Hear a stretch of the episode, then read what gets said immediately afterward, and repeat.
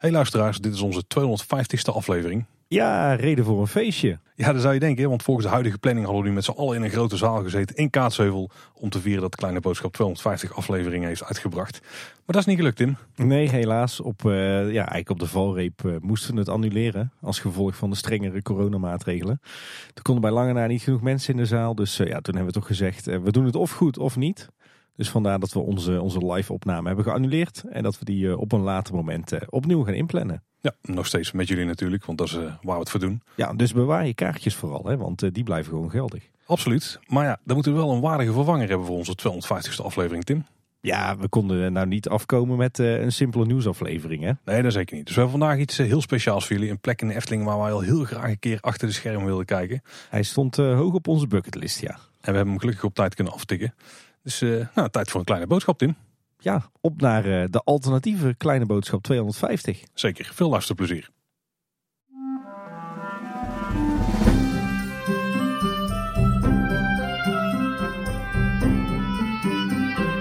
Welkom beste luisteraars bij weer een nieuwe kleine boodschap. Ja, welkom bij de podcast over alles Efteling met Tim Winsen en Paul Sprangers. Tim, er zijn van die plekken binnen de Efteling, daar ga je graag een keertje kijken. Ik, ik kan er zo wel een paar opdreunen, denk ik. Bijvoorbeeld eh, bij Fata Morgana achter de schermen zou ik willen kijken. Of bij het spookslot eh, achter de schermen. Zou ik wel willen kijken. Eigenlijk sowieso al bij een hele hoop plekken achter de schermen. Maar er zijn ook een paar andere gebouwen in de Efteling waar ik graag wel eens binnen zou kijken. En vandaag komt een van die, nou, laat toch wel gaan noemen, podcast Dromen Waar. Absoluut. Want we, we staan hier voor een eh, nou, niet zo heel bijzonder gebouw van de buitenkant. Wel een heel belangrijk gebouw binnen de wereld van Efteling. Waar eh, staan we, Tim? Wij staan eh, op het, eh, het dienstencentrum. eh, zeg maar tussen Vogelrok en het Efteling Hotel gelegen. En we staan voor de deur bij het Gildehuis. Eh, een hele mooie term natuurlijk, een hele bekende term ook bij de Efteling liefhebbers. Eh, maar dat zijn eigenlijk de, dat is eigenlijk de centrale werkplaatsen van alle technische diensten.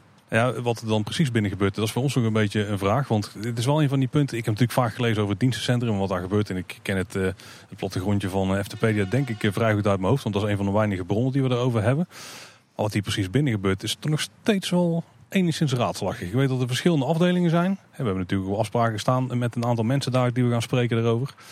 Ik denk dat heel veel luisteraars ook niet echt goed weten wat er nu precies gebeurt. Behalve omdat er wordt gewerkt aan mooie dingen. Maar Ja, nee, inderdaad. Daar gaan we dadelijk eh, achter komen. Wat nog wel interessant is, een stukje geschiedenis. Eh, de Efteling heeft natuurlijk altijd eh, technische diensten gehad. Die zaten van oudsher een beetje verspreid door het park. Zo zat de, de, zeg maar de smederij, die zat op de plek waar nu het Efteling Museum is. De elektrische afdeling die zat volgens mij achter het Carouselpaleis. De, de schilders en de decorateurs en de vormgevers die zaten op de plek waar we nu de smulpaap vinden. Eh, maar eigenlijk zijn al die diensten in 1997 eh, verhuisd naar het, eh, naar dienstencentrum. Want toen werd het Gildenhuis opgeleverd. Nou ja, het is eigenlijk vooral een, een bedrijfshal met werkplaatsen en kantoren en kantines. Hij ligt achter de schermen, maar ik denk dat iedereen hem iedere keer ziet als hij naar de Efteling gaat. Ja, kijk, als je van de Midden-Brabant afkomt en je rijdt de Europalaan op, dan zie je al een vrij groot bord dienstencentrum staan. Een beetje links zo, bij het hek van de Efteling, op die hoek daar. En als je daar iets voorbij rijdt, dan zie je een gethematiseerd gebouw staan. En dat is het dienstencentrum. Want, Ja. want de zijde die richting de Europalaan wijst, die is eh, netjes Eftelings gestuukt. Ja, inderdaad. Een eh, echte kasteelmuur eigenlijk, hè, met kantelen en op de hoeken wat, eh, wat torentjes met leidjes erop. Dus van de buitenkant ziet het er voor veel mensen misschien uit als een, als een attractie. Maar het is echt een werkplaats. En dat is ook wel te zien, want wij staan nu dus op het dienstencentrum. En eigenlijk eh, behouden ze die ene gevel die aan de Europalaan ligt. Is de rest eh, ja, echt gewoon een bedrijfshal hè, met eh, groene staalplaten en allerlei overheaddeuren. Dus, en een, groot bordje met gildehuis. En dat is op zich wel grappig. Want dat komt natuurlijk van gildes. En ja, wat is een gilde? Een gilde is eigenlijk een, is eigenlijk een soort ja, vakgroep hè, uit de, de middeleeuwen. Dus in de middeleeuwen sloot je jezelf aan bij een gilde. Eh, bijvoorbeeld het, gilde van smeden of het gilde van de timmermannen of het gilde van de, de schilders. Eh, en als je ja, daaraan verbonden was, dan, eh, dan mocht je eigenlijk je, je vak uitoefenen. Ja goed, en eh, wat dat betreft zijn er natuurlijk volle parallellen met het gildehuis zoals het hier in de Efteling staat. Ja, zeker. Tim, ik denk dat het gewoon tijd is dat we eens even binnen gaan kijken. Ja, inderdaad. We gaan een rondje lopen door het Gildenhuis. We gaan alle werkplaatsen bekijken. En we krijgen her en der ook wat uitleg van de verschillende hoofden van dienst. Of eh, teamlead, zoals dat dan eh, tegenwoordig eh heten. En ik geloof dat we als eerste op de koffie gaan bij Mark. En dat is de grote man van de hele technische club hier. Zeker. We gaan naar binnen. Nou, we zijn dan gearriveerd in het Gilhuis. We zitten hier in het roze kantoor, heb ik me laten vertellen. En ik snap ook wel waarom als ik om me heen kijk. Het, de wanden zijn hier echt inderdaad roze, ja. Die zijn vrij roze, ja. En we zitten hier met Mark Haars. Mark, welkom een kleine boodschap. Dankjewel. Welkom dat jullie eh, er zijn. Uh, welkom uh, bij de Efteling en welkom specifiek in het Gildenhuis. Ja, heel tof dat we hier mogen rondkijken. Ook wel een droom van ons geweest om hier altijd een rondje te kunnen lopen met microfoon. Ja, voor mij is het 15 jaar geleden. Daarvoor kwam ik hier iedere dag. Dus, maar, daarom de toevoeging met de microfoon. precies. Ja, we gingen net naar het kantoor toen. Ik zag jullie eigenlijk al stiekem kijken wat er allemaal stond hè, hier beneden in de, in de werkplaats. We hebben veel onderhanden momenteel. Mogen we daar iets over zeggen of is het allemaal strikt geheim? Uh, nou ja, in basis natuurlijk wel geheim. Want dit is natuurlijk toch wel waar de magic happens, zal ik maar zeggen. Of eigenlijk waar we alles onderhouden. Ja, en um, als we natuurlijk zeggen dat er eigenlijk alleen maar technische installaties op het terrein staan, nou goed, hè, dan merk je natuurlijk al, daar wordt het toch wel iets minder uh, sexy van, zal ik maar zeggen. Of hè, dan doorbreken wij het sprookje. Dus heel vaak ja, doen we dit dus ook echt achter de schermen. Maar je zijn wel heel trots op. Hè. We hebben hier onze vakman, onze vakvrouwen rondlopen. Ja, die iedere dag ervoor zorgen dat iedereen, al onze gasten, iedere dag weer in de sprookjes kunnen stappen in de attracties kunnen stappen. En dat eigenlijk alles geregeld is en dat je je daar nooit zorgen over hoeft te maken. Nou, we zullen de magie niet onderbreken, maar ik zag wel dingen staan voor de wereld van Simbad. Dus, uh... Nou ja, goed. En dat is natuurlijk het fijne aan de podcast, hè? We kunnen het erover hebben, maar we hebben er gelukkig geen beeld bij. Dus we houden het graag nog eventjes geheim. En Mark, voordat we het Schildhuis verder gaan ontdekken, wat is jouw rol uh, hier binnen de Efteling? Ik ben uh, teamlead van het onderdeel onderhoud en service van de Business Unit Park. Um, en dat betekent eigenlijk dat we alle onderhoudswerkzaamheden doen uh, binnen de wereld van de Efteling. Of dat wij opdrachtgever zijn richting bijvoorbeeld onze projectenafdeling. Uh, als het gaat uh, om groter onderhoud. Hè. Um, en we hebben de hele servicekant. En aan de servicekant uh, hebben wij de beveiliging, hebben we de hulpverlening, hebben we onze EHBO-diensten, maar ook onze collega's van magazijnen, logistiek. Dus eigenlijk ontzorgen wij al onze collega's in het park en nog bij een aantal andere onderdelen. Dus we hebben eenzelfde soort afdeling. We zeggen altijd het zusje bij hotel en resorts. Uh, en je moet je voorstellen, ja, bij hotel en resorts is natuurlijk overdag de gast in het park. Uh, dus dan kunnen zij daar het onderhoud doen aan alle huisjes, aan de hotels. Ja, en overdag dienen wij je natuurlijk ook alle storingen te maken, dat soort zaken. Ja, vandaar dat jullie ook pas om tien uur welkom waren. Omdat wij s ochtends vroeg ervoor zorgen dat alles weer uh, gereed staat voor de dag, om het zo maar te zeggen. Ja, dus we zouden eigenlijk kunnen concluderen dat jij een beetje de facilitair en technisch manager van de Efteling bent. Ja, ja, zo kun je het zeggen. Uh, en dat ben, ik, ben niet ik, hè. dat zijn uiteraard uh, al onze teamleden, want uh, zij doen het werk. En doordat zij er zijn, kan ik ook weer mijn werk doen. En dat doen we denk ik ongeveer met uh, 250 uh, collega's momenteel. Dus dat zijn er aardig wat. Flinke club. Hey, je zei net uh, onderhoud en servicepark. Betekent dat jullie niks doen met de, de nieuwbouwprojecten in de Efteling? Dus de nieuwe attracties en de nieuwe restaurants? Nee, dat klopt. Nee, daar zijn wij, als, zij, als dat gereed is zal ik maar zeggen, dan nemen wij het in beheer. En dan zorgen wij ervoor dat het onderhoudsprogramma plaatsvindt. En dan meestal na zes tot acht jaar, dan vindt het de eerste grote onderhoudsbeurten weer plaats. En dan doen we dat samen met de collega's van uh, projecten, van engineering en van ontwerp. Dan schilderen we het weer een keer of we geven het uh, een nieuwe kleur. En dat doen we eigenlijk in samenspraak. Uh, maar de collega's, in dit geval in Ravelijn zitten zij, ja, zij zorgen er echt voor dat we nieuwe zaken maken. maar binnen mijn team heb je het afdeling planning en beheer. Daar zitten de maintenance engineers. Ja, zij delen uiteraard natuurlijk wel met ja, welke zaken willen we slimmer doen of beter doen. Ja, ter voorkoming van dat we dan na vijf of zes jaar zeggen: Oh, dit is net niet handig gemaakt of zit net niet goed in elkaar. Dus het is een nauwe samenwerking met elkaar. Ja, maar ik zag net wel dus uh, uh, nieuwigheden staan voor de wereld van Simbad. Dus jullie, uh, jullie zijn daar wel actief in, in de nieuwe projecten. Ja, ja, onze, onze core business, om het zo maar te zeggen, zit echt in dat onderhoud. Dus we hebben daarin twee afdelingen. Dat is hier de afdeling uitvoering. Dat is de afdeling van het Schilderhuis. En de afdeling planning en beheer. Nou, planning en beheer bepaalt eigenlijk wat dat er in onderhoud gaat. Hoe dat het in onderhoud gaat. En dat doen we dan weer samen met hier. Uh, maar dat is niet eens wat we doen. We realiseren hier eigenlijk ook allerlei nieuwe dingen. We maken hier, zoals we dat van vaak wel zeggen, de Efteling-handtekening of de Efteling-signatuur. Dus we hebben het een, een, aantal afdelingen, waaronder de afdeling decoratie en de afdeling vormgeving. Ja, zij kunnen natuurlijk als geen ander die Efteling-magie tot leven laten komen. Dus zij werken dan ook heel vaak heel nauw samen met de ontwerpers en met de engineers. Ja, om dat ontwerp tot leven te laten komen. Dat doen we natuurlijk ook met externe bedrijven. Ja, we kunnen dat hier als geen ander. Dus dat zie je inderdaad ook bij de nieuwe projecten uh, van Sirocco en Archipel. Ja, dan zijn wij hier de Efteling-specifieke zaken aan het maken. En dat maakt het interessant. Hè? Dus wij kunnen zowel onderhouden als ook echt dat nieuwe creëren. Uh, ja, en wij zorgen ervoor dat het in de eeuwigheid dus mag blijven bestaan binnen de Efteling. En je had het net over de afdeling uitvoering. Hè? Dat is waar al die vakmannen en vakvrouwen werken. Uh, we gaan dadelijk bij de verschillende uh, afdelingjes die daaronder vallen langs. Maar kan je even heel kort voor de luisteraar uitleggen waar die afdeling uitvoering uit bestaat? Ja, wij zijn eigenlijk in staat. We hebben alle disciplines in eigen huis. Dus als je kijkt naar onderhoud en service, dus is die onderhouds- en die facilitaire afdeling, hebben we ongeveer 14 disciplines in huis. Als je dan specifiek kijkt naar de uitvoeringsafdeling, dan hebben we daar decoratie en vormgeving, noemen wij de, Devo hebben we uh, onze elektrokant. Hebben we onze werktuigbouwkundige kant. Binnen die werktuigbouwkundige kant hebben we dan ook nog eens onze loodschieters zitten. We hebben onze bouwdienst, metselaars, uh, de timmerlieden. Um, en dan hebben we ook nog, uh, dat zit in het tuinhuis, hè, want het schilderhuis is niet het enige. Daar zitten onze hoveniers. Maar daar zit ook onze milieudienst. Die zorgen voor eigenlijk de hele afvalstroomverwerking. En dan heb je eigenlijk het hele gildehuis in één. En binnen al die afdelingen heb je weer de eigen specialismes. Dus bijvoorbeeld binnen de elektrowereld hebben we uh, onze collega's die uh, speciaal naar onze brandsystemen kijken. Of die naar uh, um, audiosystemen kijken. Of naar al onze projecties. Dus we hebben overal onze vakspecialisten in huis. En we werken ook vaak samen met heel veel onderleveranciers. Omdat we natuurlijk 24-7 open zijn. Dus je kunt je voorstellen als er s'avonds en s'nachts in het hotel of in een huisje iets verstopt zit ja, dan moet je ervan uitgaan dat het natuurlijk meteen wordt opgelost. Dus dat doen we met elkaar. Ja, ja, je had het over 250 mensen in eigen dienst. Maar ik kan me voorstellen dat er ook nog een, een hele flexibele schil omheen zit aan ingehuurde mensen. Ja, precies. En daar, daar werken we gewoon heel nauw mee samen. En kijk, en uiteindelijk de Efteling betaalt linksom of rechtsom, zal ik maar zeggen, de factuur of de salarisstrook. Um, en daar proberen we echt ook samen te werken met elkaar. Omdat wij samen ervoor zorgen dat die wereld van de Efteling iedere dag weer ja, er mooi bij staat. En dat we iedere dag die 9 plus beleving mogen leveren. We zijn hier vandaag in het Gildenhuis. Wat is nou de rol van het Gildenhuis in het totale proces? Want uh, bijvoorbeeld heel veel achtbanen hebben gewoon een remise. Dan kunnen de treinen ook staan. Er wordt licht onderhoud gedaan, denk ik. Maar soms worden ze ook hier naartoe gebracht. Ja, jullie, ja. ja, jullie zagen net al een beetje. In de draaktrein, die staat momenteel binnen. Um, en dan heb je verschillende onderhoudsbeurten. Dus iedere dag vindt er een opstart plaats en worden er een aantal standaardzaken gecontroleerd. Dat gebeurt door onze collega's uh, van attracties.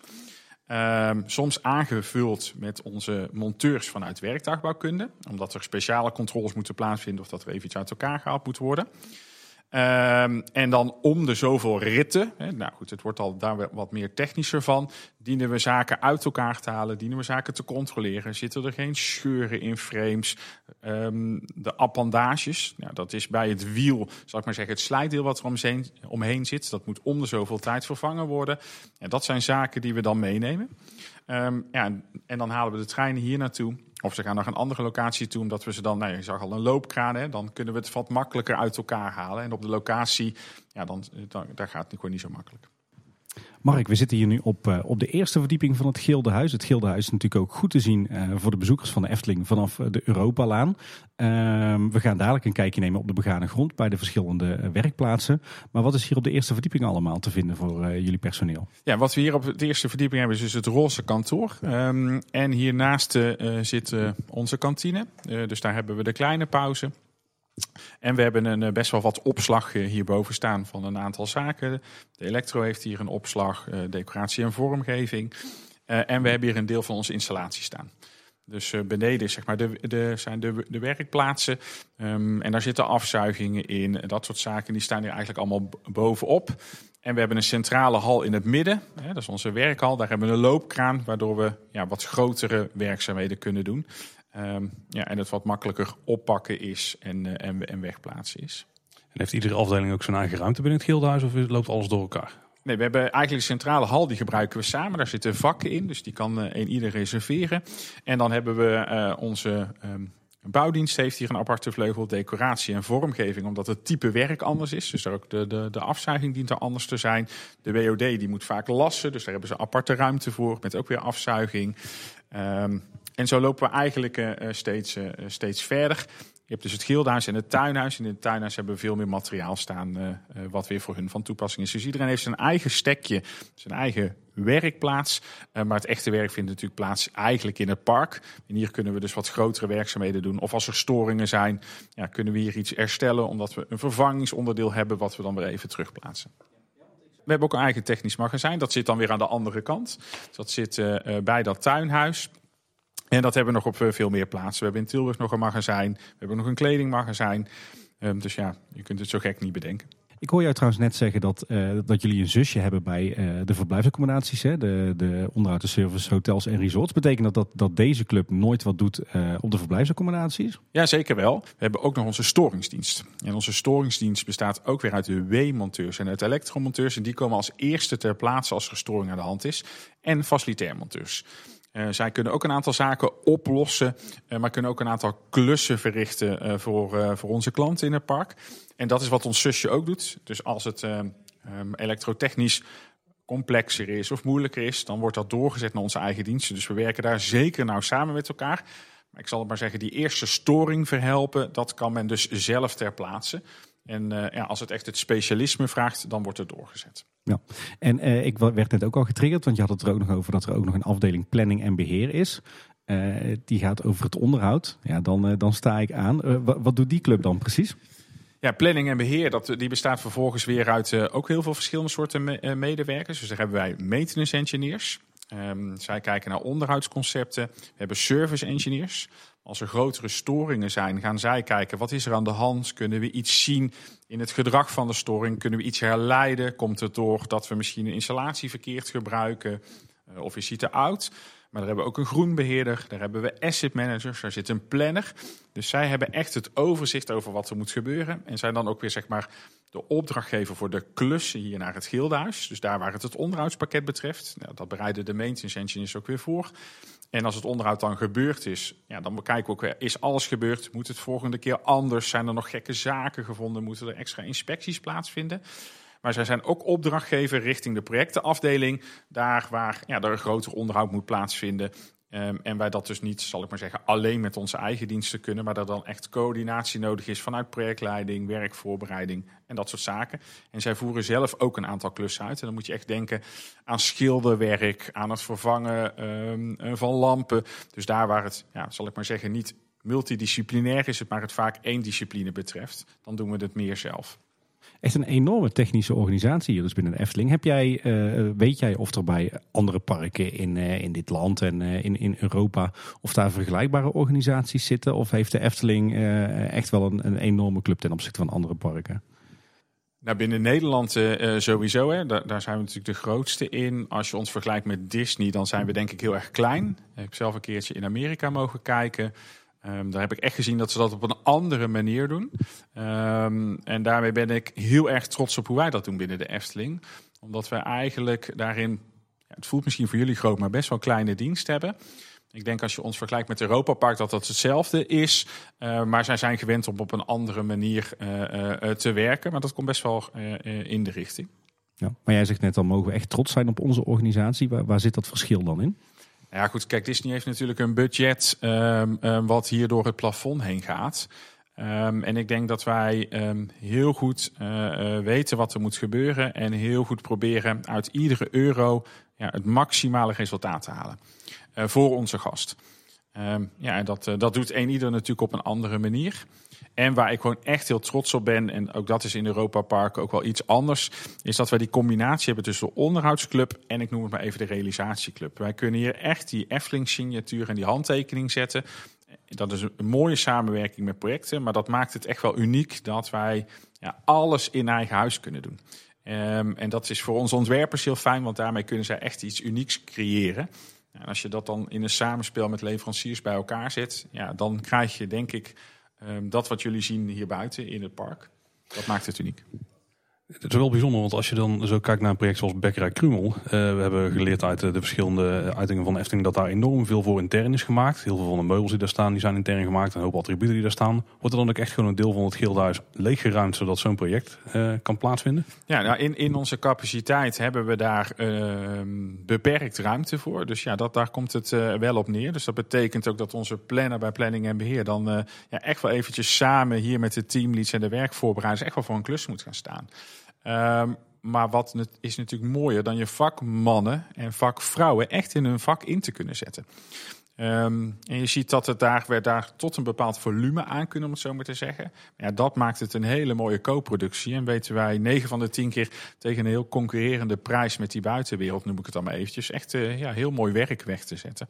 Uh, waarbij het voor die ontwerper natuurlijk ook weer heel fijn is, omdat hij ieder element uh, van zijn ontwerp terug kan laten komen. En 9 van de 10 keer moet hij daar met, met een buitenbedrijf, ja, moeten daar heel veel sessies plaatsvinden om dat ontwerp dan over de bühne te krijgen. Daar waar je hier misschien wel een half woord genoeg hebt. Ja, ja want ik weet nog wel dat uh, in mijn tijd, toen ik uh, in een projectteam van de Vliegende Hollander zat, dat het in eerste instantie de bedoeling was om alle thematisering buiten de deur te zetten.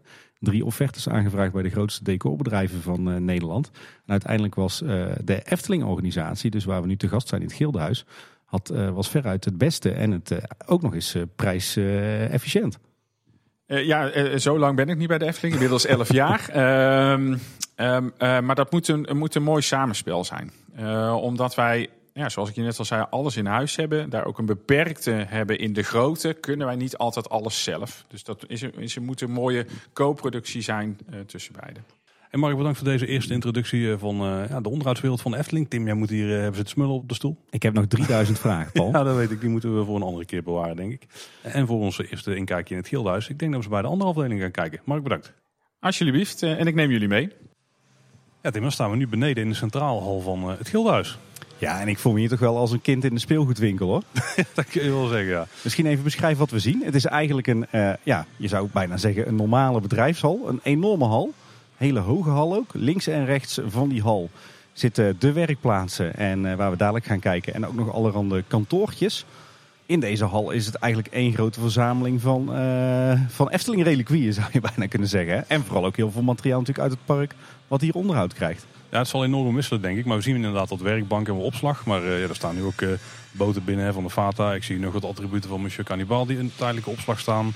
En uh, ja, inderdaad een hoop decoratie-elementen. Ja, er wordt hier gewerkt aan, uh, aan nieuwe decor-elementen voor de wereld van Simbad. Maar we zien ook wat, uh, wat treintjes van Max en Moritz staan in onderhoud. de trein van Joris en de Draak.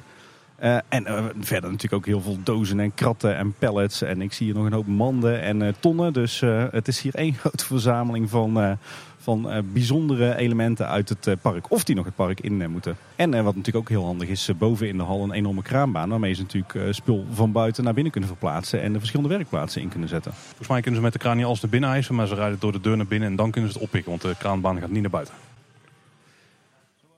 Nou Paul, inmiddels zijn we de eerste echte werkplaats binnen, binnengestapt. De werkplaats van de bouwdienst. En we staan hier bij uh, Ivo van Pelt. Ivo, uh, vertel eens, waar zijn we en wie ben jij?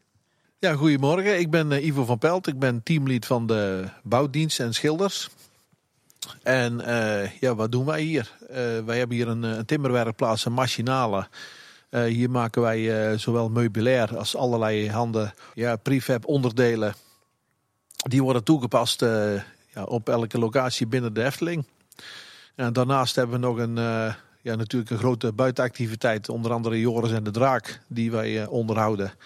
Daar zit op dit moment een, uh, denk ik, een kleine 20 tot 25 man zit daar in de baan. Zo. die daar iets rigoureuzer te werk gaan.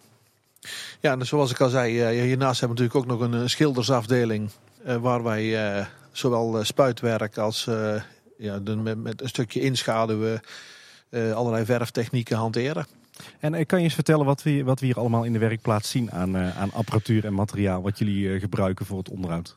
Nou, we hebben een, een grote afkortzaag, een kleinere afkortzaag voor veel verstekwerk. Dat is wat fijner werk. Dan hebben we een pennenbank staan, een cirkelzaagmachine, een tafelzaag. We hebben een wandzaag staan voor het plaatwerk.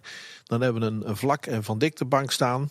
Dus dan kun je zowel het hout op vlakken als van dikte maken. Een vlak en haaks maken en van dikte maken. Dan hebben we nog een freesbank staan. Daar aan de andere kant. En hier hebben we nog een gatensteek staan. We hebben een tweetal schuurmachines. Zowel op een schijf als op een band. En dan hebben we nog een draaibank staan. En een lintzaag. Kijk, het is hier uh, uh, eigenlijk gewoon de Horrenbach. Maar dan in de Efteling bijna, hè, de zaagafdeling. Uh, ja, iets ruimer genomen, denk ik zo. Ja. Ik denk zo bij de Horenbach niet zoveel materiaal nee, precies. Hey, je vertelde net dat, uh, dat jullie ook allerlei mooie dingen maken voor in het park. Heb je wat, wat aansprekende voorbeelden van uh, dingen die onze luisteraars kunnen herkennen in het park waarvan je zegt van nou, dat is echt van de Efteling Bouwdienst? Nou ja, we hebben recent hebben al het meubilair gemaakt voor, hoe heet dat, bakkerij Krummel. Dus nou, er waren behoorlijk wat ja, wat eh, uren in gaan zitten. Hutjes van Simbad niet. Wij hebben wel werkzaamheden verricht eh, bij Simbad, maar dat is meer eh, ja, handjes geleverd als het ware. Voor een eh, stuk eh, ja, bekisting en dat soort eh, dingen. Dus eigenlijk in de beginfase van het project. Eh, ja, nu vooral zijn wij be- bezig met eh, Joris en de Draak. We zijn bezig met Land van Laaf. Daar zijn we het eh, Vleugel Helmhuis aan het onderhouden. Ja. Daar gaat een nieuw stuk eh, dakbeschot gaat erop. En ik denk ook heel veel kukschotten tijdens de, de coronacrisis. Onze keukschermen die hebben het, ja, die spannen eigenlijk wel de kroon, ja. Daar hebben we vele kilometers van gemaakt. Ja. Oeh. Niet het leukste werk, kan ik me zo voorstellen. Nou, dat eh, de ene kant niet het leukste werk. Van de andere kant was het ook een soort pep talk. En het was een, eh, echt een, een teambuilding als het ware. Want er werden treintjes ingebouwd. We hadden op een gegeven moment hadden we vijf teams. En het, eh, ja, ze vlogen als het ware hier de, de, de, de werkplaats uit. En het was gewoon continu meters maken. Dus verstand op nul en, eh, en gas erop. Kijk, en we zien hier nu vooral heel veel houtwerk. En daar vertel je ook over. Maar jullie zijn de bouwdienst. Doen jullie ook nog wat met, met metselwerk en dakpannen en beton en zo? Uiteraard, dat doen we ook. We hebben nog een, een metselaar in dienst. Die ja, doet het metselwerk, tegelwerk, stukwerk, eh, aansmeren, allerhande werkzaamheden. Nou moet ik wel zeggen dat het eh, veelal in het correctief proces zit. Dus als er zaken eh, kapot zijn, gesneuveld, dan komt er een, een storingsmelding. En op basis daarvan gaan wij dat repareren. Nou moet ik wel zeggen dat komende week, volgende week starten we bij Polders Keuken. Daar komt een nieuwe showcooking komt daarin. En daar gaan wij alles demonteren. En vervolgens brengen we daar ook eigenhandig een compleet nieuwe vloer in aan. Met eh, opstanden en dat soort dingen. Maar wel het, eh, ja, de onderdelen die het ertoe doen in het park. Ja. Echt het, het mooie werk, zeg maar. Het, eh, dat, wij proberen de kersen van de taart te halen. Ja. Ja. Ja. Va- Valt me nou trouwens op dat het hier ook een soort Efteling museum is. Want ik zie heel wat, eh, wat borden en bordjes uit het, die niet meer in het park te vinden eh, zijn. Daar is hier de werkplaats mee aangekleed. ja, dat klopt. Beetje sfeer moet je ook creëren. Hè? Ja. Ja. Wat mij opvalt als ik deze ruimte goed rondkijk is alle afzuiging die hier hangt. Ehm, nou, de eh, afzuiging is eh, heel belangrijk. Kijk, er komt natuurlijk allerlei eh, ja, grove verspaning, maar er komt ook fijnstof komt er vrij. En dat is wel erg belangrijk om dat op de juiste manier af te zuigen en af te voeren. Ja. De plek waar we nu staan, nu staan we in een van de, de werkruimtes. Maar is dit dan een plek waar vooral wordt gezaagd en wordt opgeslagen? Of worden hier ook wel eens dingen opgebouwd? Of gebeurt dat dan weer in het park of eh, in de hal hiernaast? Nou, we hebben de- de- in de werkplaats hier, dus echt de, de productiehal, zal ik maar zeggen. De hal die hiernaast, dus eigenlijk de centrale hal in het Gildenhuis, dat is de opbouwhal. Daar komen eigenlijk alle stukken bij elkaar. Daar worden de, de onderdelen totaal in elkaar gezet. En dan ja, kun je dus verlieverleed door het Gildenhuis gaan naar- met betreffende afdeling als zijn een decoratie, vormgeving. Iedereen die er ook maar iets aan moet doen, die kan erop bijspringen. Nou, aan het eind van de rit eh, zou je kunnen stellen dat aan het eind van de hal het product klaar is om het park in te gaan. Het komt vaak aan de ene kant erin en aan de andere kant eruit. Hè? Eh, die onderdelen komen hier vaak voorbij, ja. ja. Eh, Zou, zou je ons nog even de, de schilderwerkplaats laten zien? Ben ik wel Natuurlijk. benieuwd ja, naar. dat gaan we doen. Oh, je ruikt het ook meteen lekker naar verf, hè? Dit eh, ruikt echt naar een schilderwerkplaats, ja. Ja, dit is de schilderswerkplaats inderdaad. Nou, hier achterin eh, zie je de spuitcabine. Daar eh, wordt al het spuitwerk verricht, zou ik maar zeggen, aan voertuigen. banken die ja, al het strak en glad moet zijn, dat, dat wordt vaak gespoten. En de overige zaken hier in de hal, ja, dat kun je, kun je ook zien. Hier wordt ge- geschuurd, geschilderd en gedaan. Hier hebben we ook bewust een eh, afscheiding in zitten middels eh, ja, een soort eh, gordijnen als het ware. Dus die kunnen we verplaatsen door heel de hal om echt een schuurruimte te creëren. Zodat je niet het stof vervolgens weer in je lak hebt zitten. Oeh ja, dat is niet handig, nee. De, de andere kant hebben we nog een glashoek. Daar kun je glas snijden. Ja, eigenlijk komt hier alles voorbij wat er op schilderen en beglazing aankomt. Ja, en zo te zien is het dan met name het, eh, het schilderwerk met, met de kwast en de roller. Niet zozeer met, eh, met de penseel en de airbrush. Eh, dat gebeurt ook. Alleen het, nou praat je meer over het decoratieve gedeelte. Mhm. En het decoratieve gedeelte zit hoofdzakelijk bij de afdeling decoratie en vormgeving. En ja, wij doen uiteraard wel wat natuurlijk in, in schaduwwerk, nat in nat werk, om de basis daarin te leggen. Maar als je het hele fijnere werk gaat krijgen, als er bijvoorbeeld een pop is vervaardigd, die eh, zetten wij bij wijze van spreken wel in de basis. Maar de, de echte finishing touch tot in het detail, het detailwerk, ja, daar moet je echt een handje voor hebben. Dat is een eh, decorateur die daar zich eh, mee mag moeien. Je, je, gebruikt net wel een mooi, mooi stukje jargon. Die mag je meteen even toelichten. Nat in nat schilderen. Een Ja, typisch Eftelingse hè? techniek, denk ik. Le- Leg eens uit in het kort. Wat nou is dat? ja, als je nou een beetje de piekstijl gaat pakken, dan zie je vaak dat blauw-groenige bij een deur, bij wijze van spreken, die is vrij ruw van structuur. Dan zie je daar een gloed in zitten van eh, wit met zwart en wat grijzig. Nou, dat, die breng je aan op het moment dat de deur nog eh, in, eh, in het piekblauw heet dat dan. Alleen eigenlijk een beetje groene tinten staat. Fijn dat we dat voor eens en voor altijd opgehelderd hebben nu door de specialist. Dat heet, dat heet dus piekblauw. Maar op het moment als je dat hebt aangebracht en dat is nog nat, dan pas ga je dat wit en zwart een beetje erin kleuren, zodat je wat schaduweffect erin krijgt. En dan noemen ze dus nat in nat werken. Kijk, heel mooi dat we dat nu weten. En dat is wat je een eh, reguliere schilder nooit ziet doen.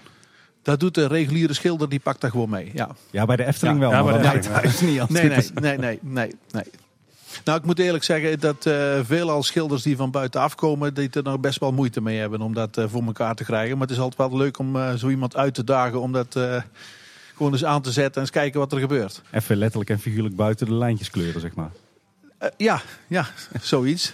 Ik zie nu trouwens dat, hè, want we staan hier nu inmiddels aan, eh, aan de kant van het Gildenhuis, aan de kant van de Europalaan, dus niet de parkzijde. Aan, eh, als ik dan eh, richting de Europalaan kijk, dan dacht ik altijd, altijd dat daar meteen de laafmuur stond. Maar ik zie daar nog een weg tussen liggen. En daar is ook nog een, een enorme opslag, zie ik nu. Dat klopt. Daar staan alle voertuigen, dus de accuwagens. Daar staan, we hebben daar een stijgerloods waar het, de nodige stijgers in staan, opwagens. Allerlei opslag, houtopslag, tegelopslag. Ja, daar vind je allemaal aan, eh, aan die kant. Alle ruimte wordt hier benut, zo Ja. goed mogelijk. Ja, dat blijkt wel.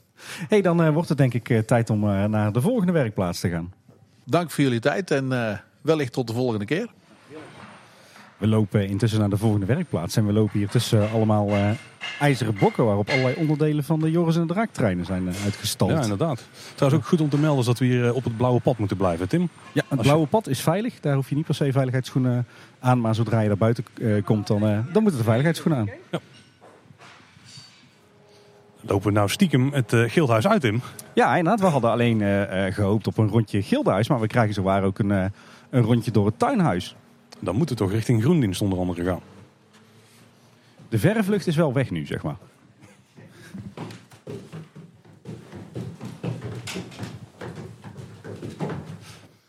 Nou, we zitten in het gebouw van de Groendienst. We zijn eh, bij Arne van Iperen aangeschoven. Arne, welkom in Kleine Boodschap.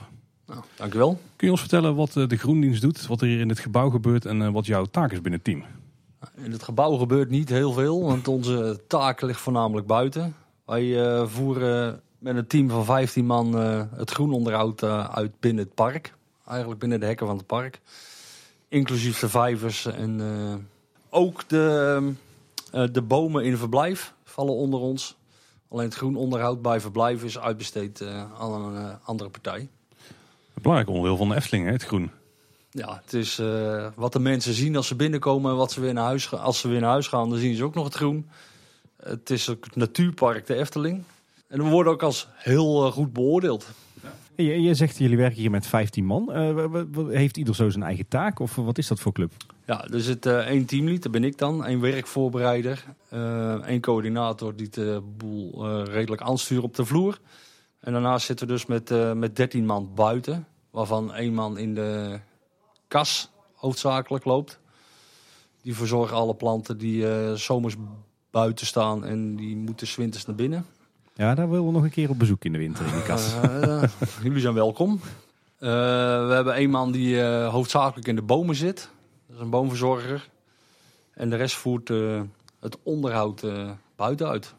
Waar, waar moeten we dan zoal aan denken? Wat voor werkzaamheden doen zij buiten? De onkruidbestrijding, het snoeien, maaien zijn we nu volop bak mee bezig. Ja, harken, alle, alles wat je in je eigen tuin doet. In de particuliere tuin doen wij hier in het park ook. Nou, maar, maar dan lijkt 13 man lijkt eigenlijk maar een klein clubje voor zo'n eh, enorm park. Dat klopt. Het is, het is een hele uitdaging. Het is eh 75 hectare die wij moeten onderhouden. Dan, eh, ja, dat is een aardige club. Dat klopt. Als we in het voorjaar de, de bloembollen in eh, de perkjes ingaan, dat is dan ook jullie afdeling die daarmee bezig is? Ja. Of worden dan mensen nog bijgehaald? Nee, dat doen we ook allemaal zelf. Ja, die zitten er nu net in. Nou, daar zijn we eigenlijk ook nog mee bezig. Ja, dat is, dat is een hele uitdaging. Dat klopt. Hoewel er dit jaar wat minder zijn dan de voorgaande jaren. Door de coronaperikelen. Als we klaar zijn met planten van de bollen gaan we overigens eh, de, de inboet. Ik weet niet of jullie dat al zeggen. Tim wel, maar mij mij wel. mag je het uitleggen. Nou, in de loop der tijd zijn de planten dood gegaan. Dan krijgen open plekken in de plantsoenen. En eh, die moeten weer opgevuld worden. Dat noemen we inboeten. En die worden in de loop van het jaar wordt dat opgenomen. Er wordt allemaal bijgehouden door de mensen die buiten het park lopen. Dat geven ze door aan de werkvoorbereider. Die maakt er een totaallijst van. En die bestelt hij dan bij een eh, kweker. Zodat alles weer eh, netjes volgeplant wordt.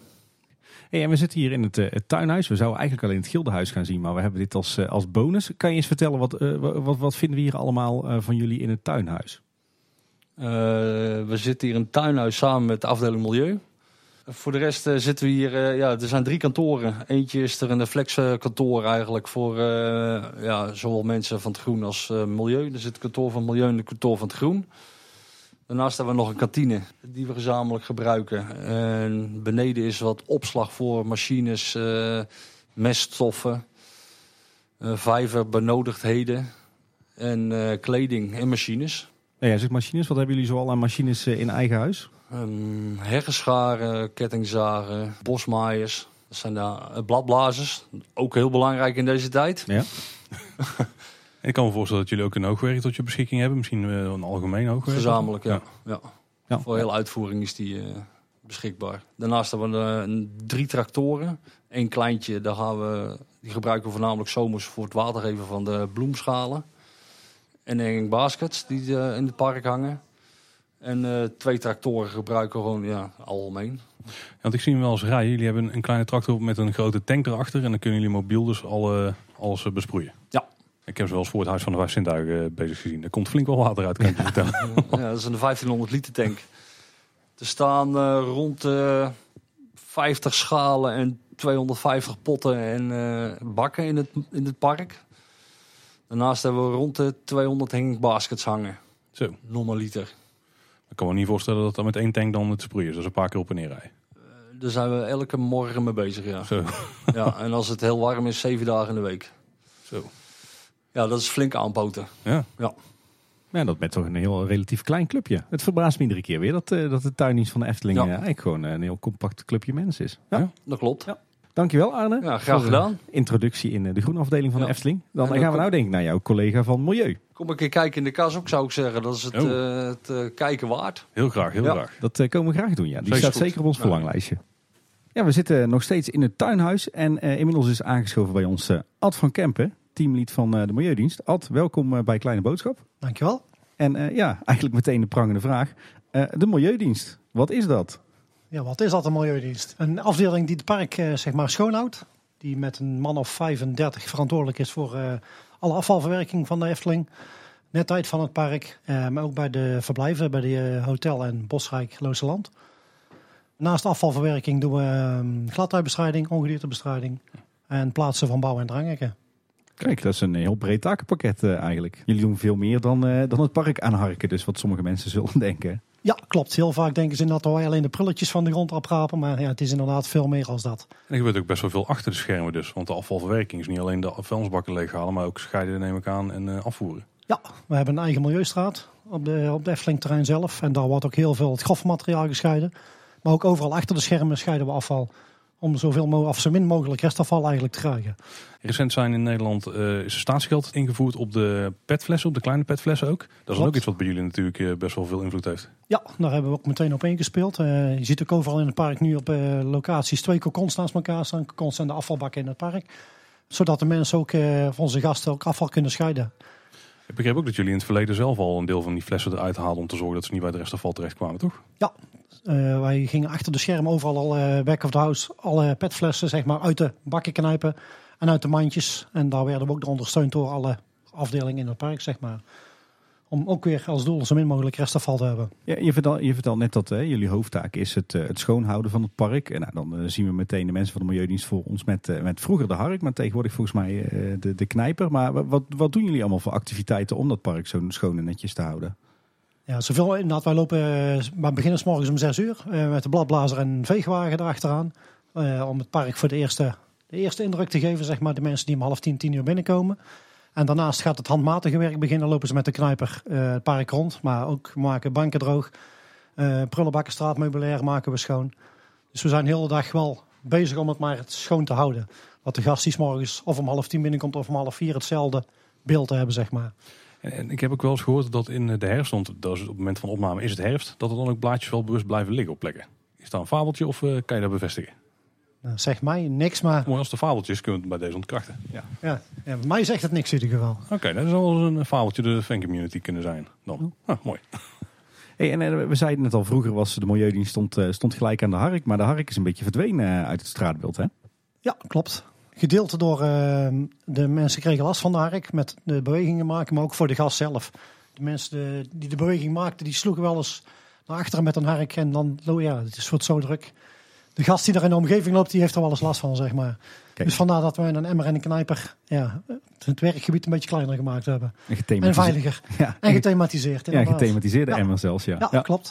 En je hebt niet meer de hark die continu krk, krk, krk in alle hoeken van het park doet. Nee, precies. Geen, geen mooi in visgraat aangeharkte eh, borders meer langs het pad. Nee, dat was vroeger inderdaad. Dat was voor mijn tijd en ja, dat doen we niet meer. Eh, Je, je zei net dat jullie ook eh, met, eh, met, met veegwagens werken. Wat, wat hebben jullie als Milieudienst nou voor wagenpark hier staan?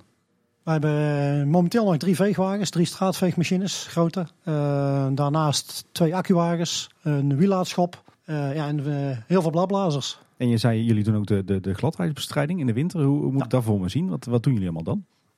Wij zorgen dat het park en de verblijven sneeuwvrij zijn en ijsvrij zijn. Dus wij gaan op oproepbasis strooien. We hebben gewoon conciatiedienst. Als er sneeuw valt of het dreigt te vallen, dan komen wij al in actie en gaan we strooien. Hetzelfde als in de buitenwacht eigenlijk. Dus dan gebruiken jullie de, de tractoren en, eh, en eh, de, de loader, zeg maar, die jullie toch al hebben staan voor het dagelijks werk. Die gebruiken jullie dan voor de gladheidsbestrijding. Ja, komen de tractoren, komen de strooiwagens achter. En de loader komt een schuif voor of een borstel voor om de sneeuw eh, of ijs weg te halen. Kijk, allemaal in eigen beheer. Allemaal eigen beheer. En als het echt heel veel sneeuwt, dan gaan we extern opschalen. Maar gebeurt bijna niet. Proberen zoveel mogelijk alles zelf te doen. Wat is de, de rol van het tuinhuis binnen de Milieudienst? Ja, hier is onze opslag. Hier eh, komen onze mensen 's morgens samen eh, om de dagstart te maken. We pakken onze pauzes hier. En alles materiaal en materiaal staat hier ook. En de Milieustraat die de Efteling heeft, die ligt wel eh, hiernaast dan, hè? Tussen, de, tussen het Schilderhuis en de Europalaan, denk ik. Nee, ligt op het parkeerterrein, bij de, die, of het parkeerterrein van de gasten zelf. Naast de plantenkas Ah, naast de kas. Oh, ja, tuurlijk. Ja, aan de Kinkerpolder. aan de Kinkerpolder. Ja. Ja, en jij zei net, eh, jullie, doen, jullie maken 's ochtends doen je zeg maar de grote schoonmaakronde. Is, en, en na parksluiting doen jullie dan ook nog, eh, ruimen jullie dan ook nog op? Eh, in principe, tot- meestal werken wij tot een uur nasluit. Dus we beginnen s morgens om zes uur eh, met de ochtendploeg. Eh, gedurende de dag komen de handmatige mensen erbij, zeg maar, om het zo even te noemen. En die werken tot een uur nasluit om de laatste restjes die de mensen achterlaten op te ruimen. En alle kliko's aan te bieden voor de volgende dag, zodat ze weer geleegd worden. En dat we de volgende dag genoeg capaciteit hebben overal bij alle locaties. En voor, en voor het legen van die kliko's, dan rijdt gewoon een vuilniswagen in het park door. Ja, ja, die is extern. Dat is gewoon een afvalverwerker waar we het contract mee hebben. Die werkt op schemabasis, komt die gewoon hier legen. Lijkt me ook lastig om eh, met een grote vuilniswagen door de Efteling te rijden in plaats van eh, door een gewone woonstraat. Ja, het is wel een bijzondere omgeving. Zeker 's morgens nu het helemaal donker is, is het wel eens lastig. Oeh ja, dat kan ik me voorstellen. ja. Maar jullie zijn als een van de laatste het park uit en jullie zijn eh, zeker als een van de eerste weer aanwezig. Klopt. Ja, en jij vertelt, jullie, doen ook, jullie houden ook de verblijfsaccommodatie schoon. Dus jullie hebben echt een, een enorm areaal om schoon te houden, kan ik me zo voorstellen. Ja, verblijfslocatie. De locatie zelf houden we niet schoon. Het gede- buitengedeelte, zeg maar, houden we mee schoon. Er wordt wel schoongemaakt daar, maar wij ondersteunen meer. En vooral nu met bladval ondersteunen wij heel veel met de veegwagen. En gedurende dit jaar is het echt handmatig wat taken. Maar het is niet meer dat we de hele dag daar bezig zijn. Nee, maar, maar wel de hele wereld van de Efteling. Dus als bij wijze van spreken de Kinkerpolder een keer wordt, wordt geveegd of de Eftelingse straat, dan zijn jullie daar ook. Dan assisteren wij mee. In principe zijn die van de gemeente. Eh, maar wij assisteren wel als echt erg wordt, dan pakken wij het mee. Omdat het toch het eerste aanzicht is voor de gasten die naar het verblijf gaan. Ja, die gemeente is ook altijd, hè.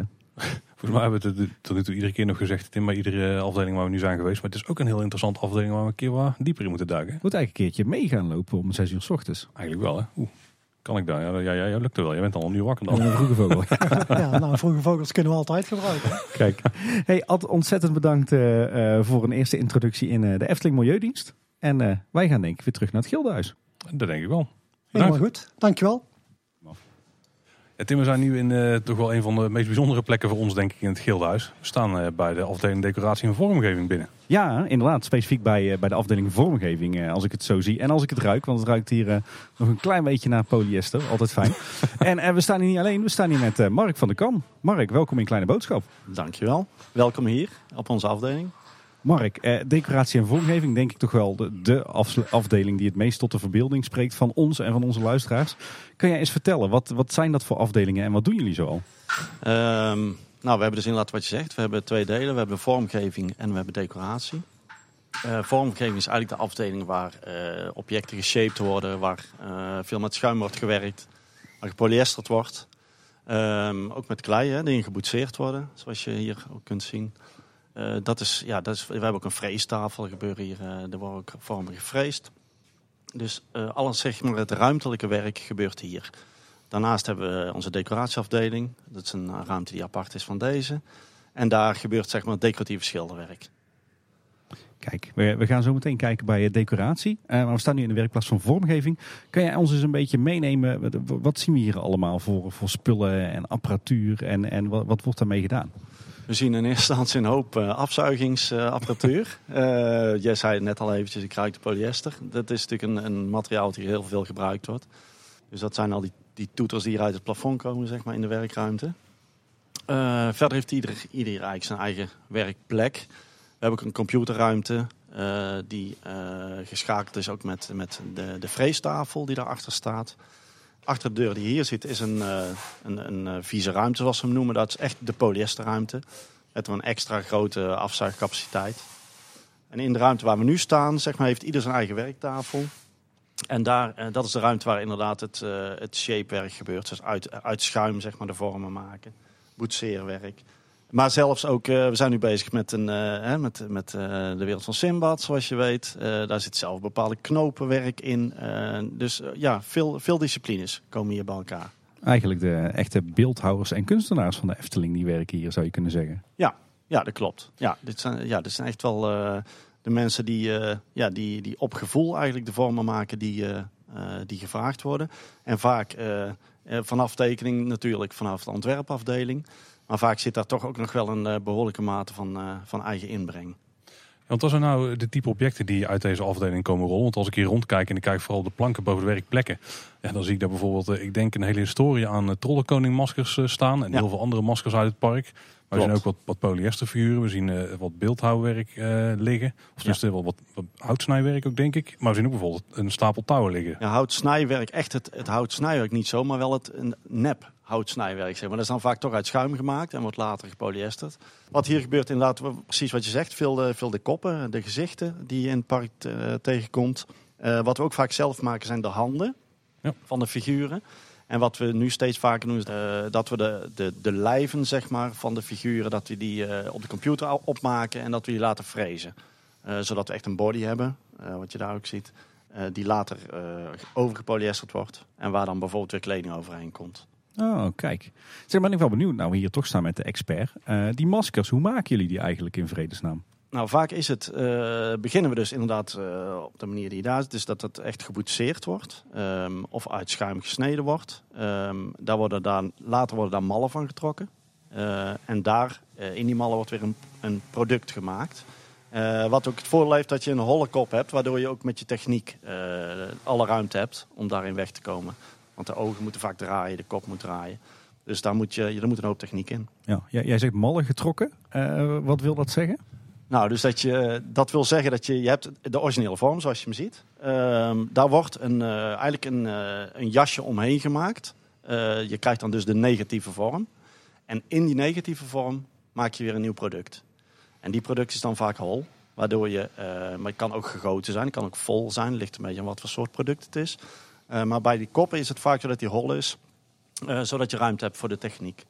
Ehm, als we, we maken vaak bijvoorbeeld ook pironnen die, die bovenop gebouwen komen. Hè? Hey, een Eh. kleine boodschap bingo wordt, eh, Paul. Inderdaad, de piron, ja. Ja, nou en daar, die zijn vaak bijvoorbeeld volgegoten. Dat is een, een volle materie waar dan eh, weer bijvoorbeeld een, een, wat ijzer in ingegoten wordt voor de stevigte. Dus dat ligt een beetje aan waar het, eh, waar het product voor bestemd is. Kijk, en, en eh, de typische maskers zoals we die kennen van Inmatronics, die maken jullie van een soort latex of rubber? Eh, ja, dat ligt er een beetje aan. Eh, vaak zijn het eh, ook harde maskers. Het ligt er een beetje aan wat ze moeten doen. Of ze mimiek moeten hebben of niet. En da- dat is een beetje, daar is een beetje van afhankelijk van wat voor materiaal we daarvoor pakken. En de mallen bewaren die ook allemaal? We hebben boven een grote mallenzolder. Er wordt veel bewaard. Lang niet alles hoor, maar veel wel. Zeker als er maar enigszins het idee is van het kan nog wel eens voorkomen dat er dingen vervangen moeten worden. Of dat we een dergelijk product in een andere productie nog een keer ergens kunnen gebruiken. Dan, eh, dan bewaren we de mallen. En Ja. stel er is onderhoud, eh, wordt dan vaak het bestaande, eh, de bestaande kop zeg maar herschilderd? En is dat dan ook iets wat jullie hier doen? Of is dat, ligt dat weer bij een andere afdeling? Nou, vaak wel. Dat ligt er een beetje aan hoe erg het gaan toe is, zeg maar. Hè? Hm. Ehm, eh, wij hebben inderdaad ook, wij krijgen de storingen uit het park, krijgen wij ook binnen. Het, als ze op het gebied zijn van decoratie of vormgeving. Ehm, en dan, dan, dan, ja, dan lappen we die hier op. Of in het park, ligt eraan of het uitgeplaatst kan worden. Eh, als, de, als de kwaliteit echt heel slecht is, dan, eh, dan gaan we opnieuw produceren. En dan komen die mallen weer in beeld. Je, je had het net ook over een freestafel. Wat moet ik me daarbij voorstellen? Dat is een, ehm, ik weet niet of het goed is om daar even naartoe te lopen. Laten kan dat? doen. Ja. Ehm, nou, dit is eh, inderdaad, we kunnen hier allerlei vormen op frezen. Zoals je ziet, voor tandwielen of voor, voor lijstwerk heel erg veel wordt het gebruikt. Eh, bijvoorbeeld ook voor schablonen. Als we dingen moeten inspuiten bijvoorbeeld, vormen moeten inspuiten. Dan, dan frezen we hier de schablonen uit, eh, uit Forex of een ander materiaal. Ehm, dus daar wordt het ook veel gebruikt. Dus het is ondersteunend soms en soms is het ook gewoon als eindproduct. Ja, dus, dus het is echt een computergestuurde frees. Dus jullie voeren een bepaalde afbeelding in in de computer. En die frees die doet eigenlijk de rest. Klopt, dat is precies, eh, dat zeg je precies goed. Ja. Ja. En dan werken jullie met hout of ook met andere materialen? Nou, kan met hout, kan ook met diverse kunststoffen. Ehm, dus Forex, eh eh, Dibond, eh, dat kan eigenlijk van alles zijn. Kijk, ik wil dat thuis ook hebben voor de Sinterklaas surprises. Ja. Dat is Nee. ideaal. Dan moet je flinke doos eromheen Ja. bouwen toch? Wat, wat, wat me trouwens ook opvalt, Mark, is we zijn al in heel wat werkplaatsen geweest vanochtend. Eh, overal hangen wel wat, eh wat Efteling-reliquieën. Ja. Maar de werkplaats van vormgeving is eigenlijk... nou, het is het Efteling Museum, maar dan keer drie. Qua, eh, nou, de- ja, dat komt materiaal. natuurlijk omdat, omdat die reliquieën ook hier vandaan komen. Dus het is, eh, en vaak is het zo, als er een product gemaakt wordt, wordt er altijd al een extra eh, product gegoten even. Of er, er zijn test, eh, testobjecten. Dus eh, vandaar dat je hier eh, zoveel ziet staan. Ja, ik zie zelfs eh, de, de spiegel uit het eh, Sprookjesmuseum eh, hier hangen. Daar is hij dus gebleven. Ja, daar is hij. Ja, ja. Eh, wat is eigenlijk de, de status waarin dingen hier worden opgeleverd? Zijn die dan echt al compleet af en klaar om in het park geplaatst te worden? Of? Nee, zeker niet. Over het algemeen is het zo dat het hier, eh, als het hier klaar is, schuift het door naar onze andere afdeling, decoratie. En daar wordt het, eh, krijgt het, zeg maar het, het laatste laagje voordat het eh, het park in gaat. Dus een stukje vormgeving is ook letterlijk het maken van de vorm die we uiteindelijk in het park zien. Maar de laatste afwerking gebeurt bij decoratie. Klopt, ja. Nou, dan zou ik zeggen, laten we naar die werkplaats gaan. Nou, maar goed plan, ja. Nou, we lopen nou toch wel de, de lekkerst geurende werkplaats van het hele gildehuis binnen. Ja, we lopen nu binnen bij de afdeling decoratie. Klopt helemaal. Dus eh, we zijn net naar de vormgeving geweest. Hier eh, komen de objecten binnen en krijgen ze een eh, uiteindelijke laag. Ehm, je ziet, er zijn er verschillende mensen hier nu bezig. Ehm, wat hier bijvoorbeeld ook gebeurt is, eh, wat je hier ziet op deze mast, dat er bijvoorbeeld een structuur opgezet is. Dit is, een, eh, dit is van oorsprong een metalen mast eh, die eruit moet zien alsof die hout is. Dus er is een structuur opgezet. En later krijgt hij weer door middel van kleuren krijgt hij helemaal het uiterlijk van een houten mast. Zeg, we zijn eerder vandaag zijn we al in de werkplaats van de schilders geweest. We begrepen dat daar vooral zeg maar, het, het strakke lakwerk wordt gedaan. Wanneer komt iets dan bij decoratie terecht? Wanneer is het nou echt decoratie-schilderwerk? Komt bij ons terecht als het, als het net een wat meer dat doorleefde uiterlijk moet hebben. Dus eh, inderdaad, dat, dat nieuwe, dat is er bij ons meestal vanaf. Of het wordt er bij ons vanaf gehaald, laat ik het zo zeggen. Eh, en bij ons wordt het eh, ineens eh, 50 jaar ouder. in een, binnen een half uur. Dus dat is ook wel onze kracht. Om het doorleefd te maken, maar toch ja, die sfeer mee te geven, zeg maar. Er gebeurt hier van alles waar, waar we bij staan. Er zijn ook heel veel mensen aan het werk, valt me op.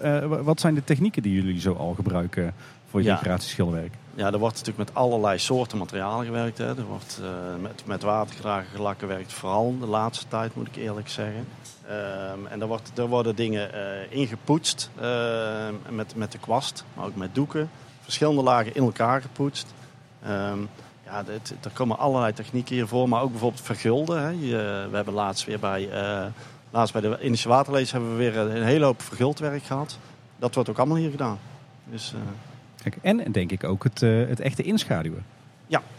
K- Kan jij onze luisteraars eens uitleggen eh, wat dat inschaduwen nou precies inhoudt?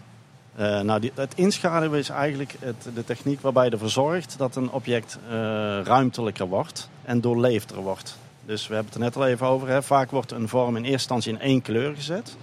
En dan is het redelijk vlak. Op het moment dat je het gaat inschaduwen, dan, dan krijgt het meer karakter, dan krijgt het diepte. En eh, de- dan gaat de lichtval ook veel meer doen. En dus dat is eigenlijk de techniek.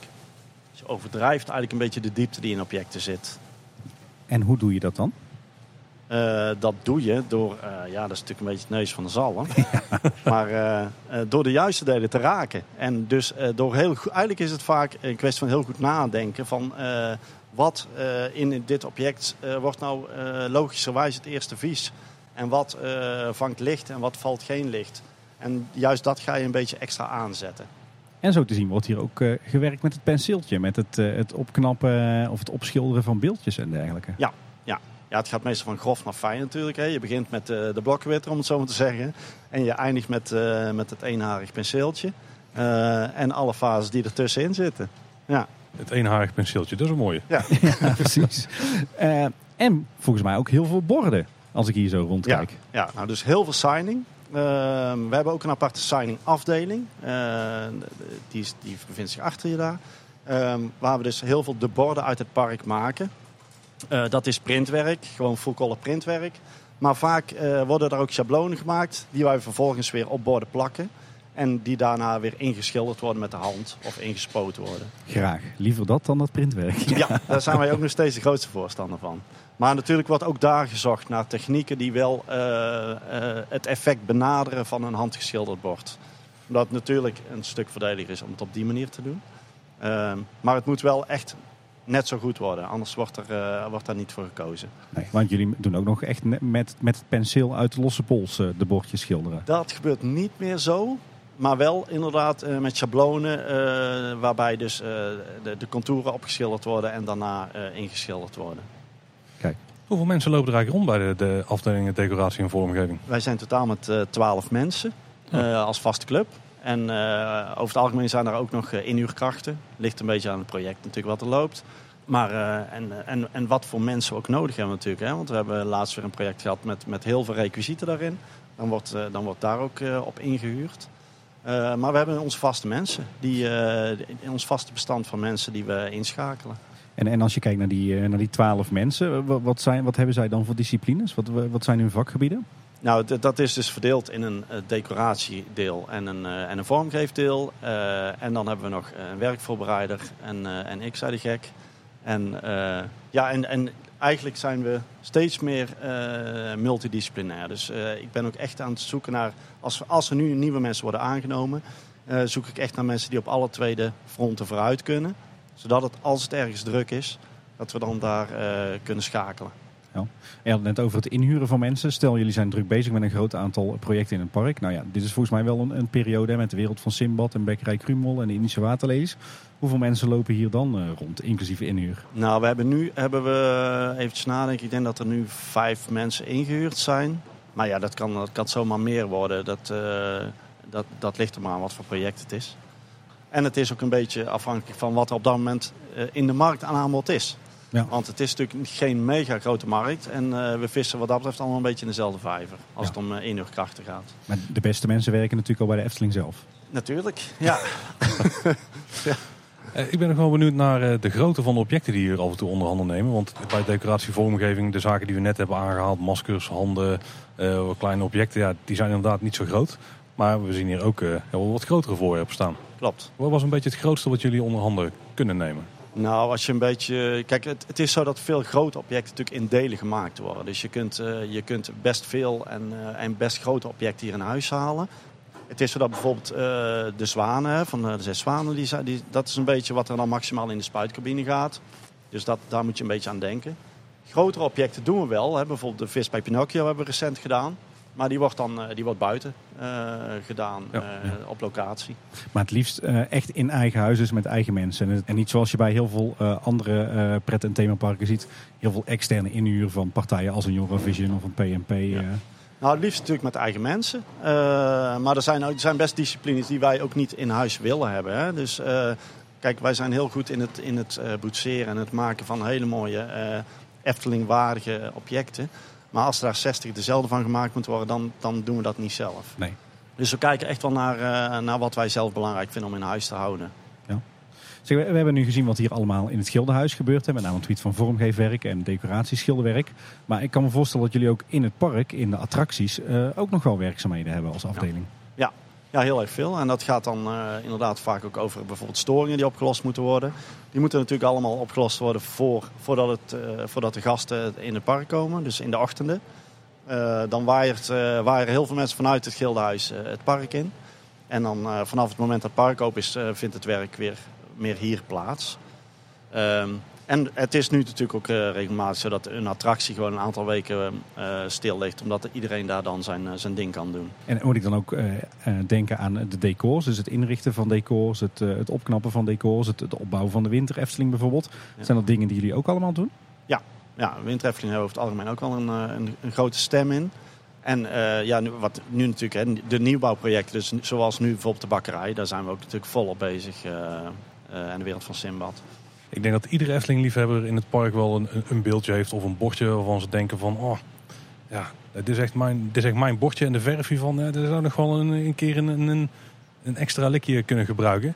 Ja. Maar wie bepaalt nou wat er wordt aangepast of aangepakt In daaraan? principe kan iedereen eh, die in de Efteling werkt, kan een, een storing aanmaken. Dus die kan doorgeven in een bestand van eh, ik heb dit en dat gezien. En bij mij in de attractie of, of ergens in het park eh, heb ik dat en dat opgemerkt. En dat komt dan in een soort databank. En van daaruit krijgen wij de storingen die met ons vakgebied te maken hebben. En zo krijgt ook de E, eh, de, die, die krijgen de storingen die op het gebied van elektriciteit of, of verlichting te maken hebben. Ehm, dus zo werkt het eigenlijk. Ja. En eh, die storingenlijst die, eh, die ga je gewoon eh, op, eh, van boven naar onder afwerken. Het afgelopen jaar zijn bijvoorbeeld ook de, de herauten eh, opgeknapt. Kleine boodschap is opgeknapt. Er zijn nog wat beeldjes. Maar we kennen ook wat voorbeelden uit het park waarvan we zeggen van nou die mag echt nog wel een likje verf. Hè. Denk aan Ja. kapitein Gijs of, of een zeemermin. Wat komt er nou voor werk bij kijken? Is dat een kwestie van twee dagen schilderen en hij is weer als nieuw? Of, Nee. of hoe gaat dat? Nee, nou mooi dat je inderdaad het voorbeeld geeft van de Herauten. Die, die zijn hier inderdaad geweest. Die hebben we helemaal vanaf de basis weer opnieuw opgebouwd. Dus die zijn helemaal gestraald. Eh, helemaal tot op de basis, tot het basismateriaal.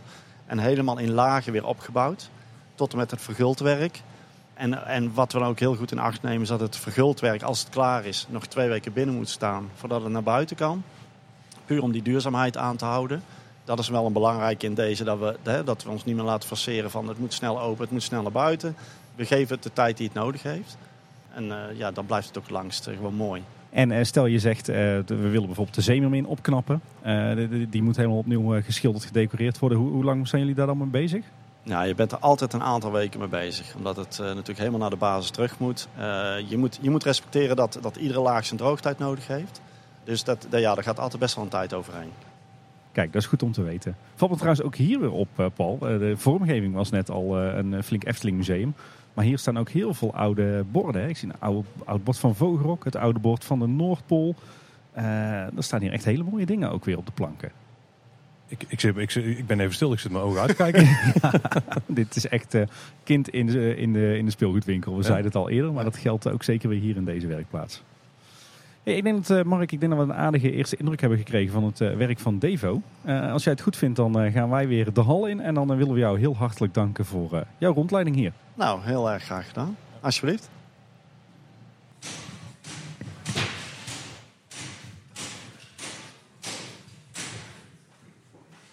Nou Paul, we zijn inmiddels de hal van het Gildenhuis weer overgestoken. En we staan hier weer in een, een nieuwe werkplaats. Iets wat ik nog ken uit mijn tijd als de werkplaats van de WOD.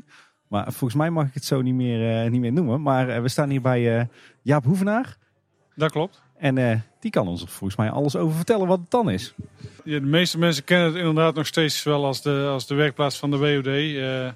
Officieel noemen ze het voor het mechatronica werktuigbouwkunde. Maar in de volksmond binnen de Efteling is het makkelijker gewoon WOD. Dan weet iedereen waar het over gaat. Dus, Mechatronica werktuigbouwkunde. Kan je eens vertellen, wa- wa- wat doet die afdeling allemaal? Eh, onze afdeling is verantwoordelijk voor eh, het volledig uh, werktuigbouwkundige onderhoud van alle attracties en apparatuur binnen de Efteling. En dan al het geplande onderhoud. Dus we hebben een instandhoudingsplanning die door de afdeling planning en beheer wordt opgesteld. ja, zo wordt over heel jaar eigenlijk al het onderhoud verspreid over alle attracties en alle locaties, zodat er niet te veel dingen tegelijk gesloten zijn. Mhm. en ja, wij doen daar het werktuigbouwkundige deel aan. En waar moeten we dan aan denken? Want ik denk dat niet al onze luisteraars zullen weten wat het werktuigbouwkundige onderhoud is. Ja, dan moet je aan denken eh, aan het onderhoud aan treinen van de Python. Dus het, uh, het smeren, het controleren, het vervangen van de lagers en wielen. Dat doen we door het jaar heen eigenlijk in de ochtenden al met een opstart van alle technische attracties. Van de, de achtbanen worden dagelijks gecontroleerd. Dus daar wordt dagelijks ook gekeken van zijn de wielen nog goed, zijn de lagers nog goed. En jaarlijks of, of, ja, of periodiek uh, bij verschillende attracties wordt er wat extra gedaan. En uh, dat is onder andere wat wij doen. Daarnaast uh, hebben we ook twee loodgieters die deels verantwoordelijk zijn voor de, de veiligheid op watergebied binnen, binnen de Efteling. Zorgen dat alle drinkwaterbeveiligingen die op alle kranen zitten goed zijn. Ehm, en we hebben ook een stukje nog bewegingstechniek en animatronics zoals mensen dat kennen. Dus die zijn verantwoordelijk voor alle poppen en alle bewegingen weer binnen de Efteling. Dus eigenlijk is het het belangrijkste stukje van de Efteling hoor ik nu. Ja, het, uh, wij zeggen altijd, we kunnen hoogst haalbaar. Hè? Dus, ja. ja. dit is helemaal jouw werkplaats, hè Paul? Nou ja, kijk, als ik hier rondkijk in vergelijking met de andere werkplaatsen waar we nu toe zijn geweest, dan is wat me vooral opvalt, is uh, het materiaal waarmee gewerkt wordt. Want dit is de eerste plek waar ik echt enorm veel staal zie liggen. Ik zie een heel rek vol met uh, stalen profielen en buizen. En uh, is dit ook een hoop plaatstaal, van verschillende typen metaal ook. Dus dit is, ja, dit is echt een metaalafdeling dan. Ja, ja klopt. Ja, de, ja wij hebben best ja, een stukje grijpvoorraad, noodvoorraad voor uh, om reparatie uit te voeren. Of uh, een attractie zelf uh, kun je, mag je niet heel veel verbouwen of, of, repareren zomaar. Maar ja, ook ja, voor alle projecten en hekwerken en eigenlijk al het voorkomende werken, zagen, slijpen, lassen, draaien, frezen, alles wordt eigenlijk hier intern gedaan. Ja, de, de, de oude werkplaats van de WED, voordat Gildenhuizer stond, die uh, zat op de plek waar nu het, het Efteling Museum zit. En die werd de smederij genoemd. Uh, eigenlijk is dit ook nog een klein beetje een smederij dan, toch? Ja, dat is zeker. Boven de boormachine zie je zo ziet, houdt nog het, oude, het oude bord van de oude werkplaats in een oude smidse. Kijk. Kan, je, kan jij ons eens vertellen uh, wat we hier allemaal zien in deze werkplaats? Wat staat er aan, aan materiaal en apparatuur en wat doen jullie ermee? Ja, we hebben een uh, tweetal metaaldraaibanken, een metaalfreesbank om uh, ja, onderdelen te, te, repareren of te, te vervaardigen. We hebben een stukje plaatwerk, dus uh, zetten en knippen van plaatmateriaal in, in staal, RVS, aluminium. Dan hebben we nog een hoek die specifiek voor de loodgieters is, waar we dus zinkwerk kunnen maken, daklijsten maken, lood, loodbewerken, solderen, dat deel. En dan hebben we ja, een stuk voorraad met, met afkortzagen. Dus de plaatmateriaal, kokermateriaal en buis. Uh, wat werkbanken waar de, de monteurs de werkplekken allemaal hebben. Iedereen heeft zijn eigen gereedschap, elkaar met gereedschap en eigenlijk een, uh, een eigen werkplek. Uh, en dan hebben we nog een, lashoek. Dus dat is een afgeschermde hoek eigenlijk waar met lasgordijnen waar verschillende lasapparatuur staat een plasmasnijder om uh, reparatie uit te voeren en op een juiste manier uh, te kunnen lassen. En dit is dan denk ik vooral het, het grove werk wat hier in de grote werkplaats uh, plaatsvindt. Maar en dat is het, het, het, opbouwen en onderhouden van animatronics, dat gebeurt denk ik ergens anders. Dat is inderdaad een aparte werk. Dat die deur gooien ze net dicht, maar daar gaan we, lopen wij gewoon weer doorheen. zullen we daar eens even gaan kijken. We kunnen niet zonder hier gekeken te hebben natuurlijk. Dit is voor jou het Walhalla toch Paul? daar ligt er al wat er staat natuurlijk. Kijk, nou zijn we te gast bij de poppendokter. Zo worden ze nog steeds wel, uh, wel genoemd, inderdaad. Vertel, wat, wat gebeurt hier, uh, Jaap? Wat zien we allemaal? Hier worden dus inderdaad de animatronics uh, bedacht, gemaakt en, en onderhouden uiteindelijk binnen, binnen onze afdeling. Momenteel zijn we druk bezig met alle nieuwe technieken voor, voor Sinbad echt het onderhoud eh, van de attractie is eigenlijk voor dit jaar het programma bijna gelopen. Dus we hebben momenteel geen animatronics meer in onderhoud. Die, uh, die zijn allemaal geweest. Maar die komen eigenlijk de, de grotere uh, animatronics uit het park. Die komen één voor één hier jaarlijks binnen. Die halen we uit de attractie en die worden hier, hier onderhouden. Kijk, dus de, de Trollenkoning en Hugo van de Loonse Duinen en de heks van de Indische Waterlelies... die komen hier allemaal één keer per jaar op bezoek in de werkplaats. Ja, en de laatste is de heksennaad geweest. Die is twee weken terug hier nog op visite geweest. Kijk, daarom was de attractie een paar dagen dicht. Dan weten we dat ook weer. En, en je had het er al over, over onderhoud en opbouw van animatronics. Maar volgens mij gebeurt hier ook ander eh, klein metaalwerk. Hè? Want ik zie eh, wat, eh, wat armaturen liggen, wat lampjes. eh, een beetje het, wat kleinere werk, zeg maar. Ja, inderdaad. Het kleinere, fijnere werk. eh, ja, fijnere montage, kleinere klusjes. eh, en eigenlijk alles, niet alleen de animatronics, maar eigenlijk alles wat beweegt. Ja, natuurlijk binnen het park heel veel bewegende items zitten, wat niet per se een animatronic is. En zo zie je hier, ja, hier ook wat onderdeel. Wat voor Simbad wordt, zeg maar, wat in het water, eh, techniek wat onder water komt te liggen. Om weer wat eh, items te laten bewegen. Eh, dat, ja, dat wordt ook hier bedacht en gemaakt. En dus eigenlijk alles wat met bewegingstechniek te maken heeft, dat komt hier vandaan. Ja, en wat niet echt at- ja, attractie of achtbaan gerelateerd is. Ja. Ook hier staan trouwens op de planken weer heel wat ja, echte reliquieën. Hè? Ik zie Zo, wat, echt, eh, ja. ja. Inderdaad, eh, eh, een oude jokie uit Carnaval Festival, bosgeestjes, eh, de verschillende maskers van de Trollenkoning. Ik zie nog een OJ punctueel staan ook trouwens. Ja. Mooi. Ja. Ook dit is weer een klein Efteling museum. ja, dat zien de luisteraars niet, maar dat is de, een, eh, een, een reserve of een oude hoofd van de trollenkoning. Daar in, de, in die kubus. Oh, die Ja, staat mooi in de vitrine opgeslagen. En inderdaad oude, oude maskers die, uit, eh, die van de ja, verschillende poppen afkomen, die eh, versleten zijn, die eh, worden hier nog wel eens tentoongesteld. Er valt mij op, Eftelingers zijn niet van het weggooien. Eén groot museum hier de werkplaats. Het is gewoon leuk om tussen te werken, tussen de karakters. Weet je waar je het voor doet, hè? Ik zie nog een mooi torso met een arm eraan. Die zo in een attractie geschoven kan worden. Ja, mooi. Ja, dat is ook weer een stukje ontwikkeling waar we mee bezig zijn met de nieuwere technieken. Om, dat is een dure, duur proef geweest. Om het, eh, een nieuw type motor die we nog niet eerder gebruikt hebben, daar bouwen we een, eh, een arm mee. En die laten we eens eh, een paar maanden vol continu draaien om te kijken of het, eh, of het wellicht geschikt is voor... eh, Die staat dan in de werkplaats hier gewoon de hele dag eh, te zwaaien. Of Ja. weet je, denk ik. Oké. Heel cool. Zeg, jullie hebben een heel breed takenpakket, maar hoeveel mensen werken er dan bij eh, de WOD? Momenteel eh 20, eh 20 medewerkers. Drie coördinatoren en eh één werkvoorbereider. Twee eh, loodgieters en twee animatronic monteurs. En eh, de rest zijn allround monteurs. En ik denk dat van de animatronics kunnen mensen zich wel heel goed voorstellen. Ook omdat we net hebben uitgelegd hoe die precies in het park terugkomen. Maar van het grotere werk, wat kunnen we daarvan terugzien? Wat bijvoorbeeld in de lasruimtes eh, wordt ge- gemaakt. Daar kunnen we hier in onze werkplaats momenteel weinig zien. En We zijn wel op de, in de centrale hal momenteel ook druk bezig met het onderhoud aan de voertuigen van, eh van Max en Moritz. Eh, een trein van, de, van Joris en de Draak. Eh, die zijn we volledig aan het eh, reviseren. En ook de, een aantal remmen van, eh, van Joris en de Draak. Die is momenteel eh, gesloten voor onderhoud. En we hebben een aantal remmen er uit de baan gehaald. En die gaan we hier in de werkplaats ook reviseren. En dat, ja, dat is echt het grotere, grotere onderhoud wat momenteel loopt. Dus niet per se altijd zichtbaar, maar ook gewoon eh, hele belangrijke zaken die eh, ja, binnen de attractie zelf gebeuren. Het gros van ons werk is eigenlijk uiteindelijk onzichtbaar, maar wel, eh, wel heel belangrijk. En eh, veiligheid van de gast staat natuurlijk eh, op 1, 2 en 3 eh, bij ons. En dus daar zijn we eigenlijk dagelijks mee bezig. En, en zijn jouw mensen dan vooral hier op de werkplaats bezig, in het Gildenhuis of vooral veel in het park? Voor opening park is bijna iedereen altijd al in het park. Dan hebben we natuurlijk onze opstartwerkzaamheden, wekelijkse controles, dergelijke bij de attracties. En, en goed, dan kunnen we ook nog werken daar waar normaal de, de, gast, eh, de gast is. Eh, en eh, na tien uur zijn er, als er een attractie nog gesloten is voor onderhoud of, er, of we kunnen iets achter de schermen doen, dan bij verschillende werkplaatsen, attracties zijn ook werkplaatsen waar we gewoon overdag kunnen werken. Ja, en, grotere werkzaamheden of echt iets nieuws maken, dat moet hier in de werkplaats. Dus die me- mensen zijn hier aan het werk. Maar er zijn nooit dagen dat je de monteur eigenlijk niet ziet. Die vertrekt hier s ochtends om 7 uur en die komt om 4 uur weer terug. Kijk, en eh, is het nou ook zo dat jullie ook eh, bijvoorbeeld ehm, metaalwerk doen voor, eh, voor nieuwe projecten? Dus dat jullie ook echt hier de, de hekjes in elkaar buigen en lassen? Of is dat veel uitbesteed?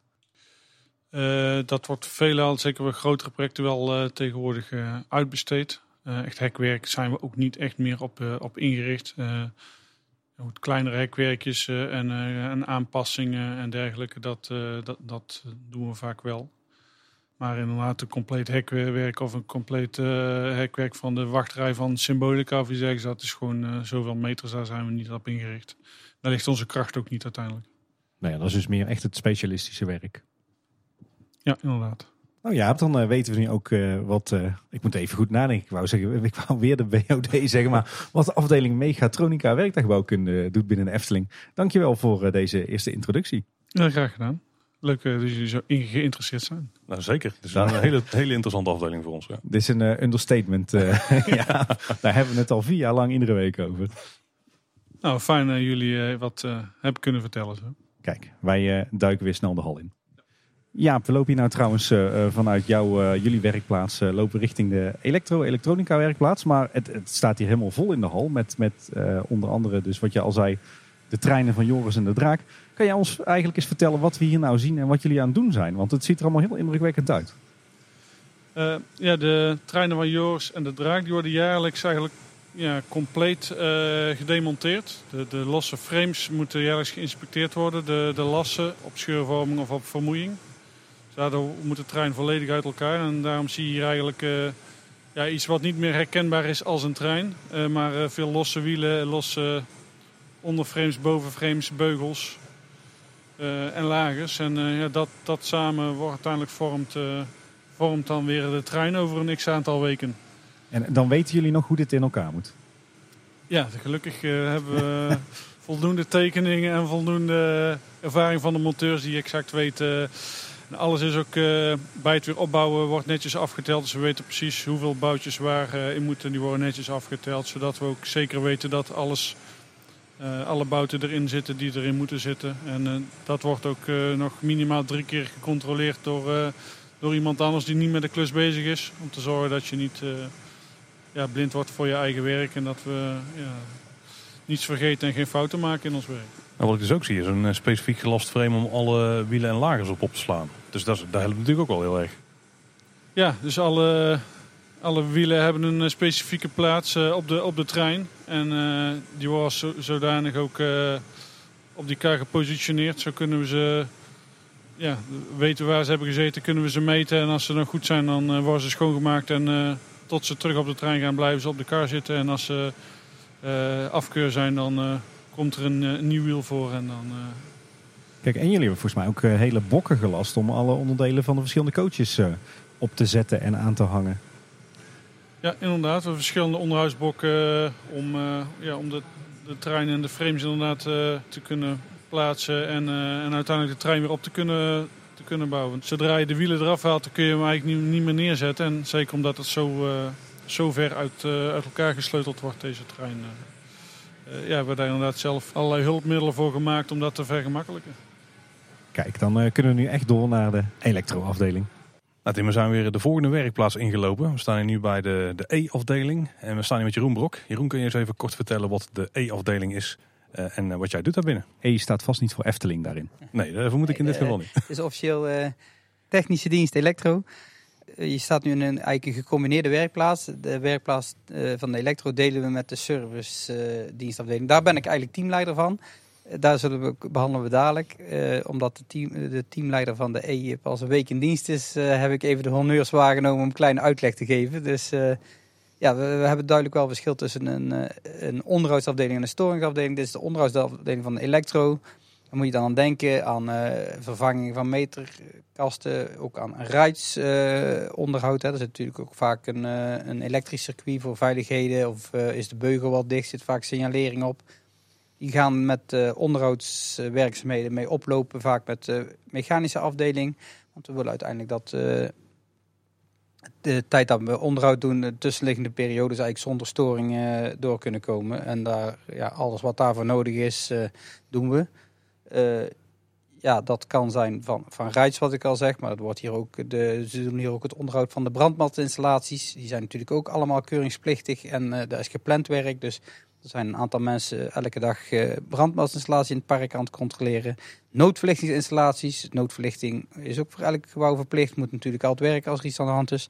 Dus doen ook in vaste intervallen nakijken, testen.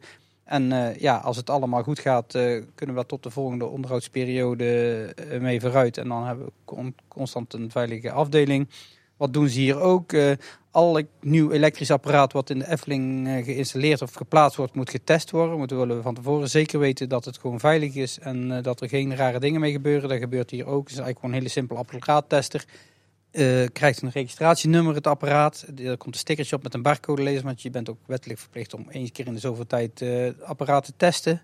En we weten zeker dat alle apparaten en eh, ja, eh, wat, eh, waar dan ook bij de Efteling binnenkomt, altijd eh, 100% veilig is voordat we het ergens gaan plaatsen. Om gewoon natuurlijk geen. eh, eh, ja, iedereen kan een fout maken, ook bij de leverancier of iets. En eh, de, de normen eh, verschillen per land ook nog wel, wel wat.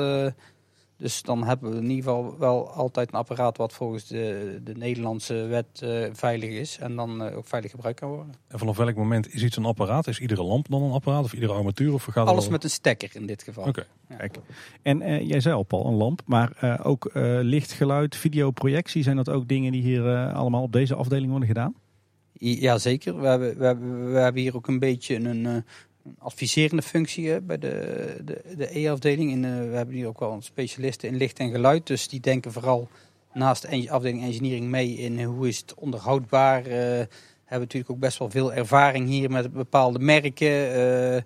We hebben ook hier bijvoorbeeld de show van Akanor is een mooi eh, voorbeeld. Die Very Lights die die show aanlichten, die worden ook Mhm. jaarlijks uit elkaar gehaald. Helemaal geserviced en nagekeken. Dus... en die hebben een aantal reserve, dus dan kunnen we met een soort wisselprogramma toch eh, allemaal eh, ja, één keer per, per jaar nakijken. En als er eentje toevallig kapot gaat, hebben we altijd een reserve die we dan in kunnen zetten.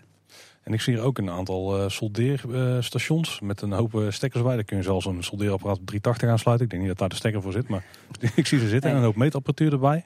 Dus de reparaties vinden dan ook direct plaats als er iets mis mee is. Ja, maar dat is dan meer de storingsdienstkant. Hè? Dus Ah, oké. de, dus het correctieve gedeelte, daar komen we eigenlijk dadelijk op. Hier in theorie eh, komt het bij de afdeling onderhoud terecht. Werkt het nog en die uh, servicen zodat het weer tot de volgende onderhoudsperiode blijft werken.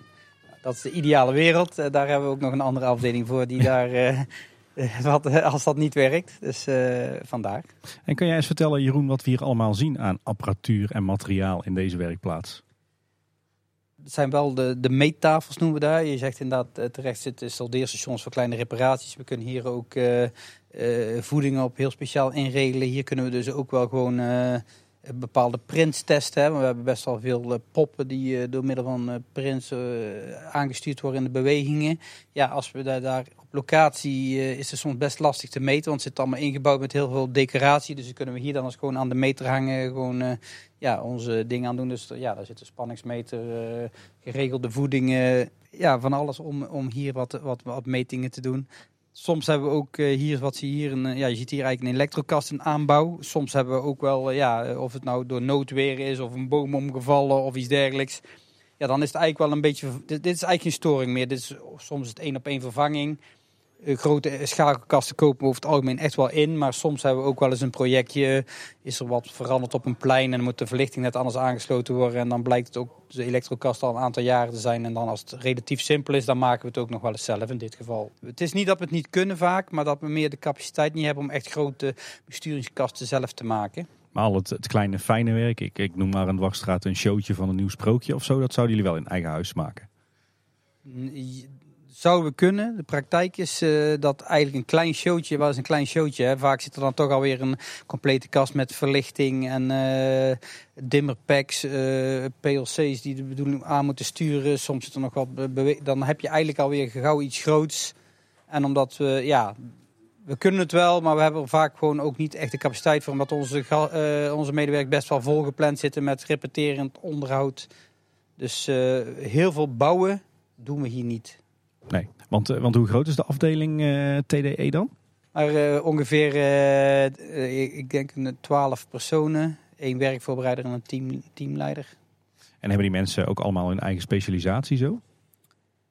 Er zijn nou, nou niet allemaal er eigen, maar er zijn wel specialisaties. We hebben bijvoorbeeld wel mensen die echt heel veel van, van, eh, van brandmeldinstallaties weten. We hebben mensen die echt heel veel van, van, verlichting, eh, showtechniek afweten. We hebben eigenlijk ook wel een, eh, een, een groepje die echt alleen maar uitbreidingen, echt de, de, de huisinstallaties eh, daar weer heel erg bekend mee zijn. En, en we hebben natuurlijk ook nog wel gewoon mensen die ook vanuit er heel veel van, van attracties, besturing in de attracties weten. Want dat is vooral iets voor de storingsdienst heel handig om te weten. Maar eh, ja, die zijn hier al heel vaak eh, of heel lang in dienst. Dus die hebben vaak soms nog mee gebouwd. Dus die weten vanuit eh, de, de bouwkant wel ook heel veel van attracties. Maar jullie hebben eigenlijk voor, voor iedere discipline wel iemand in huis. Er is altijd wel iemand in huis die er verstand van heeft. Ja, in, ja, in ieder geval mee kan praten. En eh, we huren best wel wat in. Hè. Ook echt, echt, het programmeren van, eh, van PLC's, dat, dat, dat, eh, wordt vaak ingekocht. We kunnen het wel servicen en we zouden het misschien ook kunnen programmeren. Maar ja, dan zit je toch aan de projectenkant in een heel andere tijdsdruk. En hier loopt het, het onderhoud allemaal door. Dus daar, daar komt er vaak niet van. Het is niet, niet kunnen. En voor de rest, ja, heel veel apparatuur en bestellingen die binnenkomen. Je, je kunt je voorstellen als je onderhoud moet gaan doen, of het nou een attractie is of een gebouw, dan heb je natuurlijk toch spullen nodig. En die worden hier altijd eh, eh, eh, klaargezet. Eh, en eh, ja, dan weet de monteur eh, die aan de klus moet beginnen. eh, hey, oh, ze hebben spullen voor mijn klus klaargezet, dus die moet ik meenemen, want die heb ik nodig. Eh, ja. En jullie werkzaamheden die vinden vaak hier plaats, of eh, in het park denk ik. Maar jullie hebben Nee, ja, hier heel weinig. Hè. Wij zijn echt eh, de werk. Dit is een, een werkplaatsje. Maar eh 80% eh, in, het- in het park. Dus eh, op locatie, eh, of er dan een brandmeldcentrale van eh, de Droomvlucht is, of van de Vata, of van eh Vliegende Hollander, daar gebeurt het dan. En hier kunnen we iets maken. Maar er zijn hier eh, maar echt weinig mensen over het algemeen aan het werk. Hoor. Dus eh, vooral in het park. Anders als bij de WOD waar je net bent geweest, hè, daar zie je nog echt eh, nog wel wat eh, mensen hier komen. Ja, want dit is eigenlijk een relatief kleine werkplaats, valt mij op. Of zitten hier nog allerlei eh, bijzondere ruimtes achter? Want dat zijn, ik zie wel allemaal hokjes nog. Wat, nee, ja, dit is vooral met een. staan onze kasten met meetapparatuur. Want je hebt bijvoorbeeld een.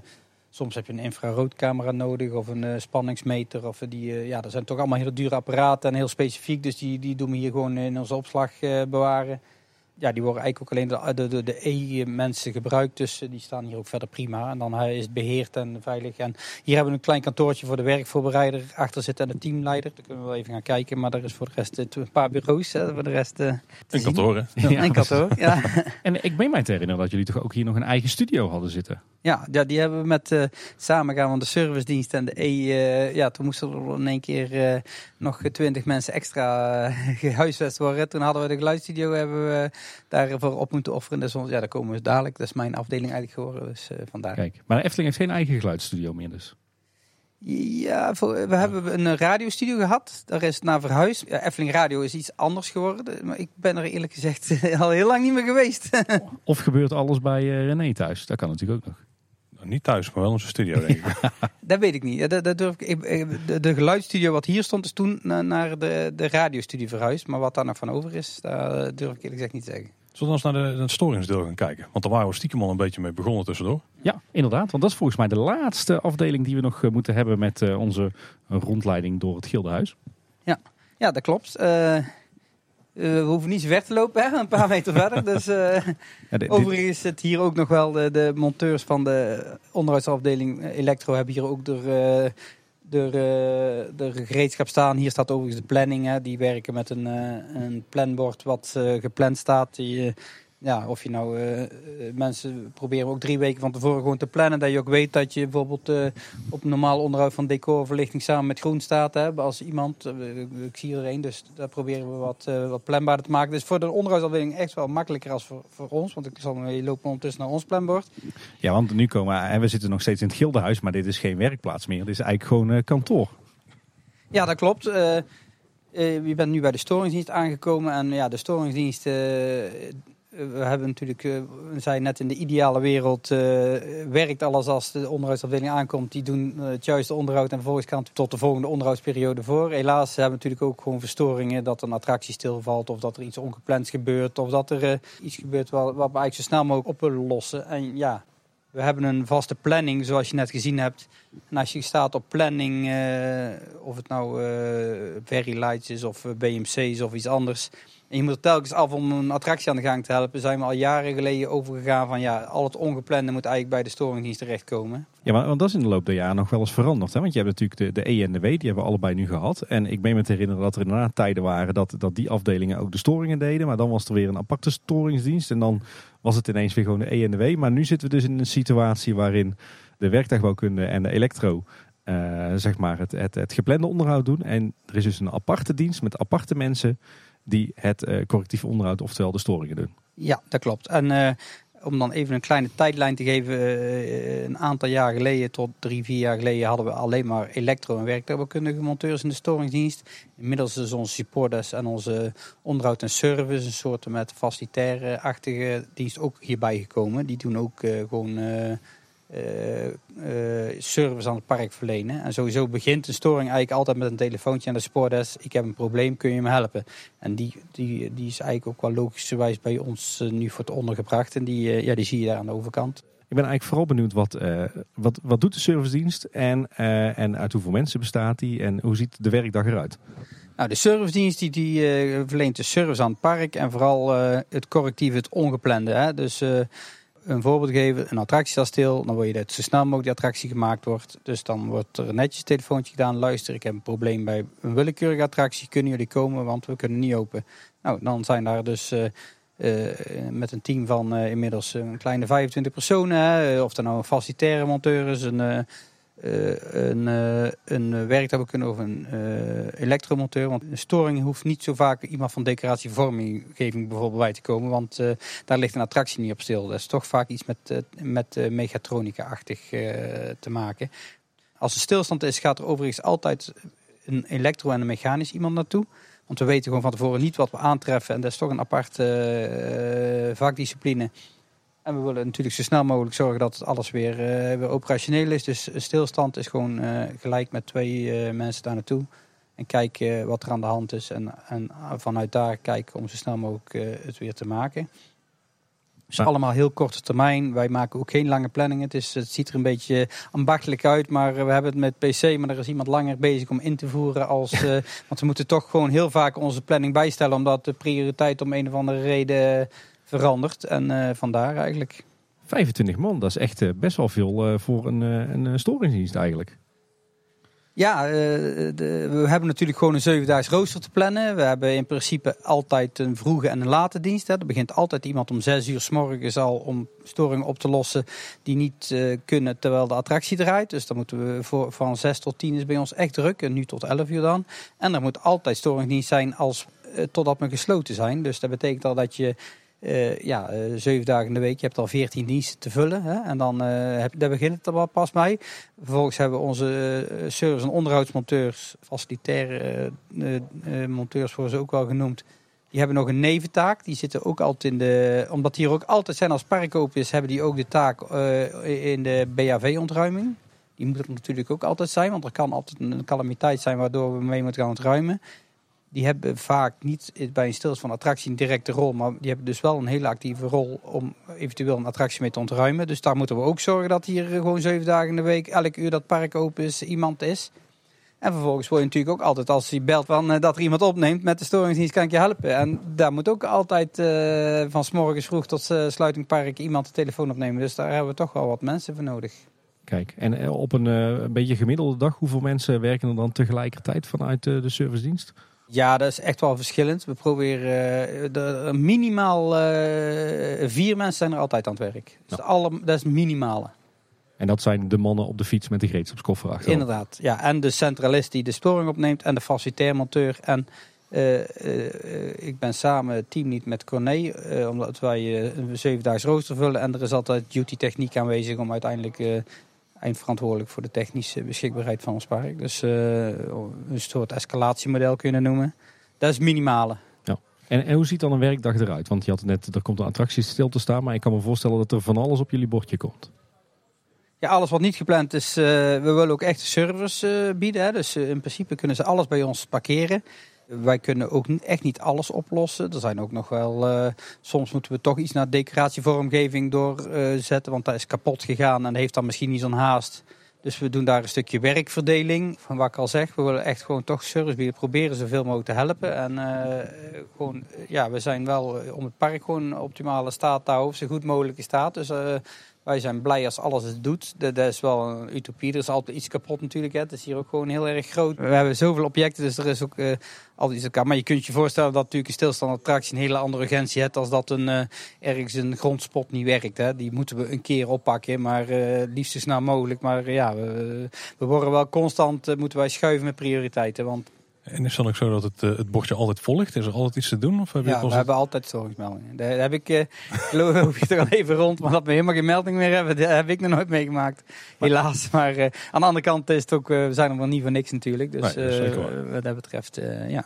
Maar je, je hebt het over urgentie en, en dergelijke. Ik kan me voorstellen dat, dat een van jullie bij spreekt bij een koffieautomaat staat en dan staat ineens de droomvlucht stil. En, en de- hoe gaat dat dan? Wie, wie zegt dan, oh, van die koffieautomaat af, nu naar droomvlucht? Dat doet de, centralist in principe, die bepaalt de prioriteit. Die heeft als enigste het overzicht van heel het park. Wat wel een, eh, een beetje een ongeschreven regel is. Eh, Je ziet daar ook op de dingen staan st- servicedienst E. Hè. Als daar bij je naam staat, ja, dan kun je eigenlijk geen gepland werk gaan doen. Hè. Want eh, dan kun je er altijd afgeroepen worden. Er staat werkplaats, staat er niet voor niks. Hè. Dan heb je in principe geen dienst. Dan kun je je vrij plannen van, hey, ik ga vandaag, je ziet daar wat, wat, wat termen staan. Ik ga vandaag fontein repareren. Nou, oké, prima. Nou, dus, eh, als je daarom weet dat je eh, eh, iets helemaal open moet schroeven, ja, dat ga je niet doen als je storing niet hebt. Want dan weet je dat je alle minuten eraf geroepen wordt. Je moet nu naar een stilstand. En dan kun je niet eerst eh, iets dicht moeten leggen in het park waar, waar mensen over kunnen struikelen. Dus daar houden we echt wel rekening mee. Eh, je ziet ook dat als er gauw er staat eh eh, servicedienst, toevallig niet helemaal, maar dan staat er ook bijna nooit iets bij waar je nog echt per se moet gaan doen. Want je, je kunt dan je eigen planning niet maken. Dus, want die bepaalt eh, de urgentie in het park. En, er- het gebeurt ook echt wel eens dat, eh, dat het zo druk is dat, dat mensen zeggen... ja, kun je nou niet even stoppen met je geplande werk... want ik heb echt even hulp nodig. We hebben een paar grote problemen wat nou zo snel mogelijk opgelost moet worden. Ja, ze, ze rijden al met portofoons rond met oortjes in... dus die kunnen elkaar echt wel eh, bijroepen en hulp vragen. Ja, uiteindelijk zijn we natuurlijk... met heel de afdeling verantwoordelijk om, het, om de prioriteit zo te leggen dat onze gast eh, het minste overlast heeft. Hè? En Ja. alles zoveel mogelijk werkend heeft. En hoe werkt die prioritering dan? En, eh, hebben jullie daar een bepaald model voor? Wat, wat prio heeft boven het andere? Dat begint al bij de melder. Die heeft in zijn eh, logboek een, eh, een prioritering. En als hij het heel goed doet, dan geeft hij het al aan.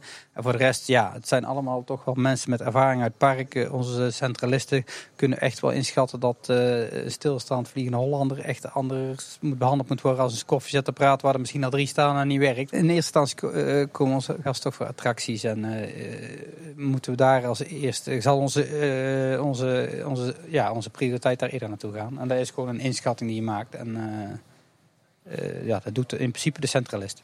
Je zei het al, dat er, ligt altijd iets op het bord. Ik kan me ook voorstellen dat er een moment is dat het service... eh, dat, het- dat eigenlijk meer een onderhoudsklus moet gaan worden... in plaats van dat jullie het oplossen.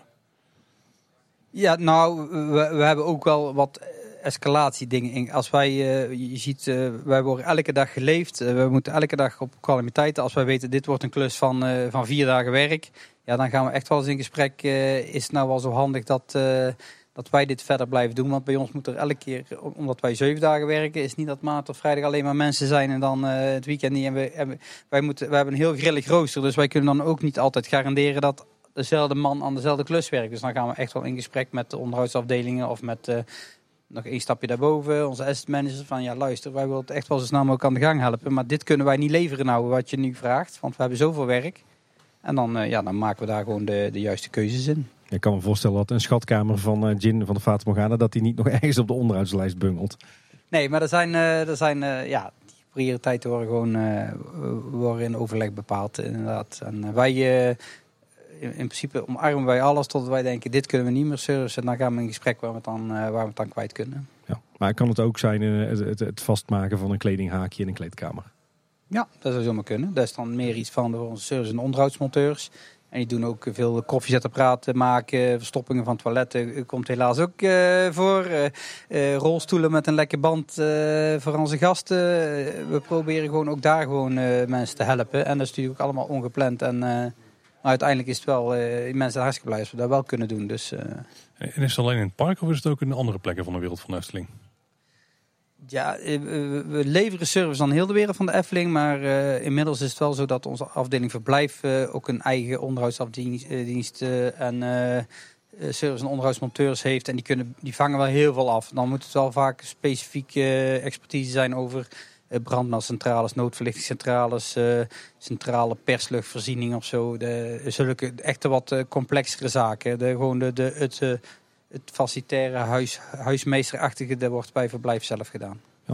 Nou, Jeroen, ik ken jou een, een beetje. En ik zie jou ook wel eens eh, vrij vlot langskomen fietsen langs het huis. En ik denk dan van, oeh, is hij nou opgebeld omdat er een storing was? Is er nog iets wat wel eens gebeurt? Dat mensen vanuit huis worden opgeroepen om een storing op te Dat lossen? gebeurt heel regelmatig, ja. Helaas. als, het is altijd zo, wij zijn 24 uur per dag beschikbaar. Er is altijd eh, aanwezigheid als park open is. Daarna gaan wij naar huis. Maar degene die de, de deur hier dicht trekt, die weet dat hij tot de volgende morgen 6 uur ook altijd opgeroepen kan worden. En dat kan zijn van de schuifpoort die eh, bij het parkeerterrein niet dicht gaat. eh, ja, daar, daar, daar wachten wij niet op tot de laatste auto hier het terrein af is. Want dat is vaak pas heel laat in de avond. Hè? En, eh, en, maar dat kan zijn dat er bijvoorbeeld wel bij verblijven een, een probleem is met brandmeldcentrales. Ja, je kunt zo'n gebouw niet zonder brandmelding achterlaten. Dus dan moet dat op dat moment opgelost worden. Het kan zijn dat er een storm is, dat er bomen omgevallen zijn op huizen. Er kan alarm zijn, ja, van alles. Dus er wordt ook nog wel... ja, niet dat je nou elke dag gebeld wordt, maar eh, ja, of soms ook kun je telefonisch oplossen. Maar eh, er is ook altijd in ieder geval wel eh, geborgd dat er altijd iemand deze kant in kan komen. Van elke vakdiscipline met, om, ja, voor eventueel ongeplande zaken. Jeroen, kan jij ons ook hier eens rondleiden? Wat, wat zien we allemaal op, in de werkplaats van de servicedienst? Ja, de servicedienst, omdat onze monteurs toch anders zijn als bij de, de geplande afdeling waarvan een werkvoorbereider een klus voorbereidt en kijkt van wat heb ik nodig en daar heb ik eh, dit ga ik bestellen, klaarleggen en dan eh, kunnen ze het doen. De storingsdienst, die monteur is er zelf bij geweest, die weet over het algemeen, oh dit heb ik nodig. Die zijn toch eh, ja, wat zelfstandiger, die, die zoeken zelf bijvoorbeeld op internet op dit onderdeel heb je nodig. We hebben wel een werkvoorbereider, Pascal. Je ziet daar, die, die bestelt wel dingen, maar wij zijn eh, is een andere type werkvoorbereider als een werkvoorbereider die geplande klussen doet. Dus die doet vooral heel veel dingen wat, waar we tegenaan lopen. Ja, dit is kapot, dan moet ik een nieuw hebben. Hier heb je de gegevens, hier kun je bestellen. En alsjeblieft, dan eh, wordt het besteld. En eh, wat ik al zei, hier hebben ze allemaal de gereedschap. Ook ons werkveld is 80% eh, of meer in het veld. Hè. We zijn gewoon op de fiets, waar je net al zei, met een koffertje aan het rondfietsen. Ze hebben allemaal een digitaal systeem waarin staat welke meldingen. De hoogste prio staat nog bovenaan. Dus, eh, en ze kunnen zelf ook echt wel een inschatting maken dat ze niet eh, van Ravelijn naar Vata. eh, dus die maken ook een beetje, oh dan doe ik even dit en doe ik doe ik even dat. En dan ga ik daarna daar naartoe. Dus die zijn wel gewoon heel zelfstandig. En ja, aangestuurd worden ze vooral door de supportdesk. Ook daar hebben we een aantal bureaus, maar in ieder geval altijd is er minimaal één iemand bezet. Dat is zo gauw als iemand een probleem in het park heeft, die belt gewoon het interne nummer. Ik heb een probleem, kun je iemand sturen? Er wordt allemaal netjes in de PC ingevoerd. Eh, ja, die, eh, die denkt, "Oei, wat hebben we hiervoor nodig? Moet ik er een E naartoe sturen? Moet, is een stilstand? Moet er allebei naartoe? Kan, eh, heb ik een andere afdeling? Soms moeten wij ook, wij gebruiken ook best wel veel buitenbedrijven. Hè? We, specifieke expertise hebben we, die huren we gewoon in. Vooral veel voor en zo. Daar hebben we geen onderdelen van. Dus ja, die, die, die, worden dan gewoon door, ook ingeschakeld. En zo... hier, eh, Pascal, hebben we het even over gehad. Ons werkvoorbereider, eh, vooral eh, korte termijn, wat ik al zeg. Heel veel bestellen. We hebben een probleem. Dit onderdeel is kapot. Moet nu heel snel nieuw hebben. Dus eh, dat is het nadeel van Pascal. Hij is heel rustig, maar het is altijd haast als er iets besteld moet worden. dus dat is maar goed ook dat iemand de rust bewaart. Hè. Dus, en wat ik al zei, de, de supportdesk, de, dus de centralisten die de telefoon opnemen. En voor de rest, ja... je ziet al, het is hier, we proberen het altijd netjes te houden, maar er komen hier elke dag zoveel onderdeeltjes binnen die dan weer ergens in moeten. En ja, die eh, zwerven hier dan toch allemaal rond. Want we hebben, wij hebben geen capaciteit in de werkplaats in de centrale hal of zo. Of er moet toevallig eens een keer iets staan wat kapot is. Maar eh, hier moet, vanuit hier moet het allemaal wel geserviced worden. Ja, want jullie moeten vaak wel naar de klus toe natuurlijk. Je zegt al, dan gaan we op de fiets springen dan, dan gaat het koffertje mee. Maar in de koffertje kan nooit alles zitten, kan ik me voorstellen, om het probleem misschien op te lossen. Dus kan er ook wat Eh, nieuw materiaal ingerukt worden? Of? Nou ja, de- dan gaat het een overleg. Hè, want we willen eigenlijk niet eh, dat we met accukar door het park gaan rijden tijdens, open park. Maar als het eh, onderdeel zo zwaar is dat dat wel moet. Ja, uiteindelijk eh, willen we wel de attractie open doen. Dus we wachten niet tot de attractie dicht is omdat er een motor van naar eh, ja, eh, Vliegende Hollander moet.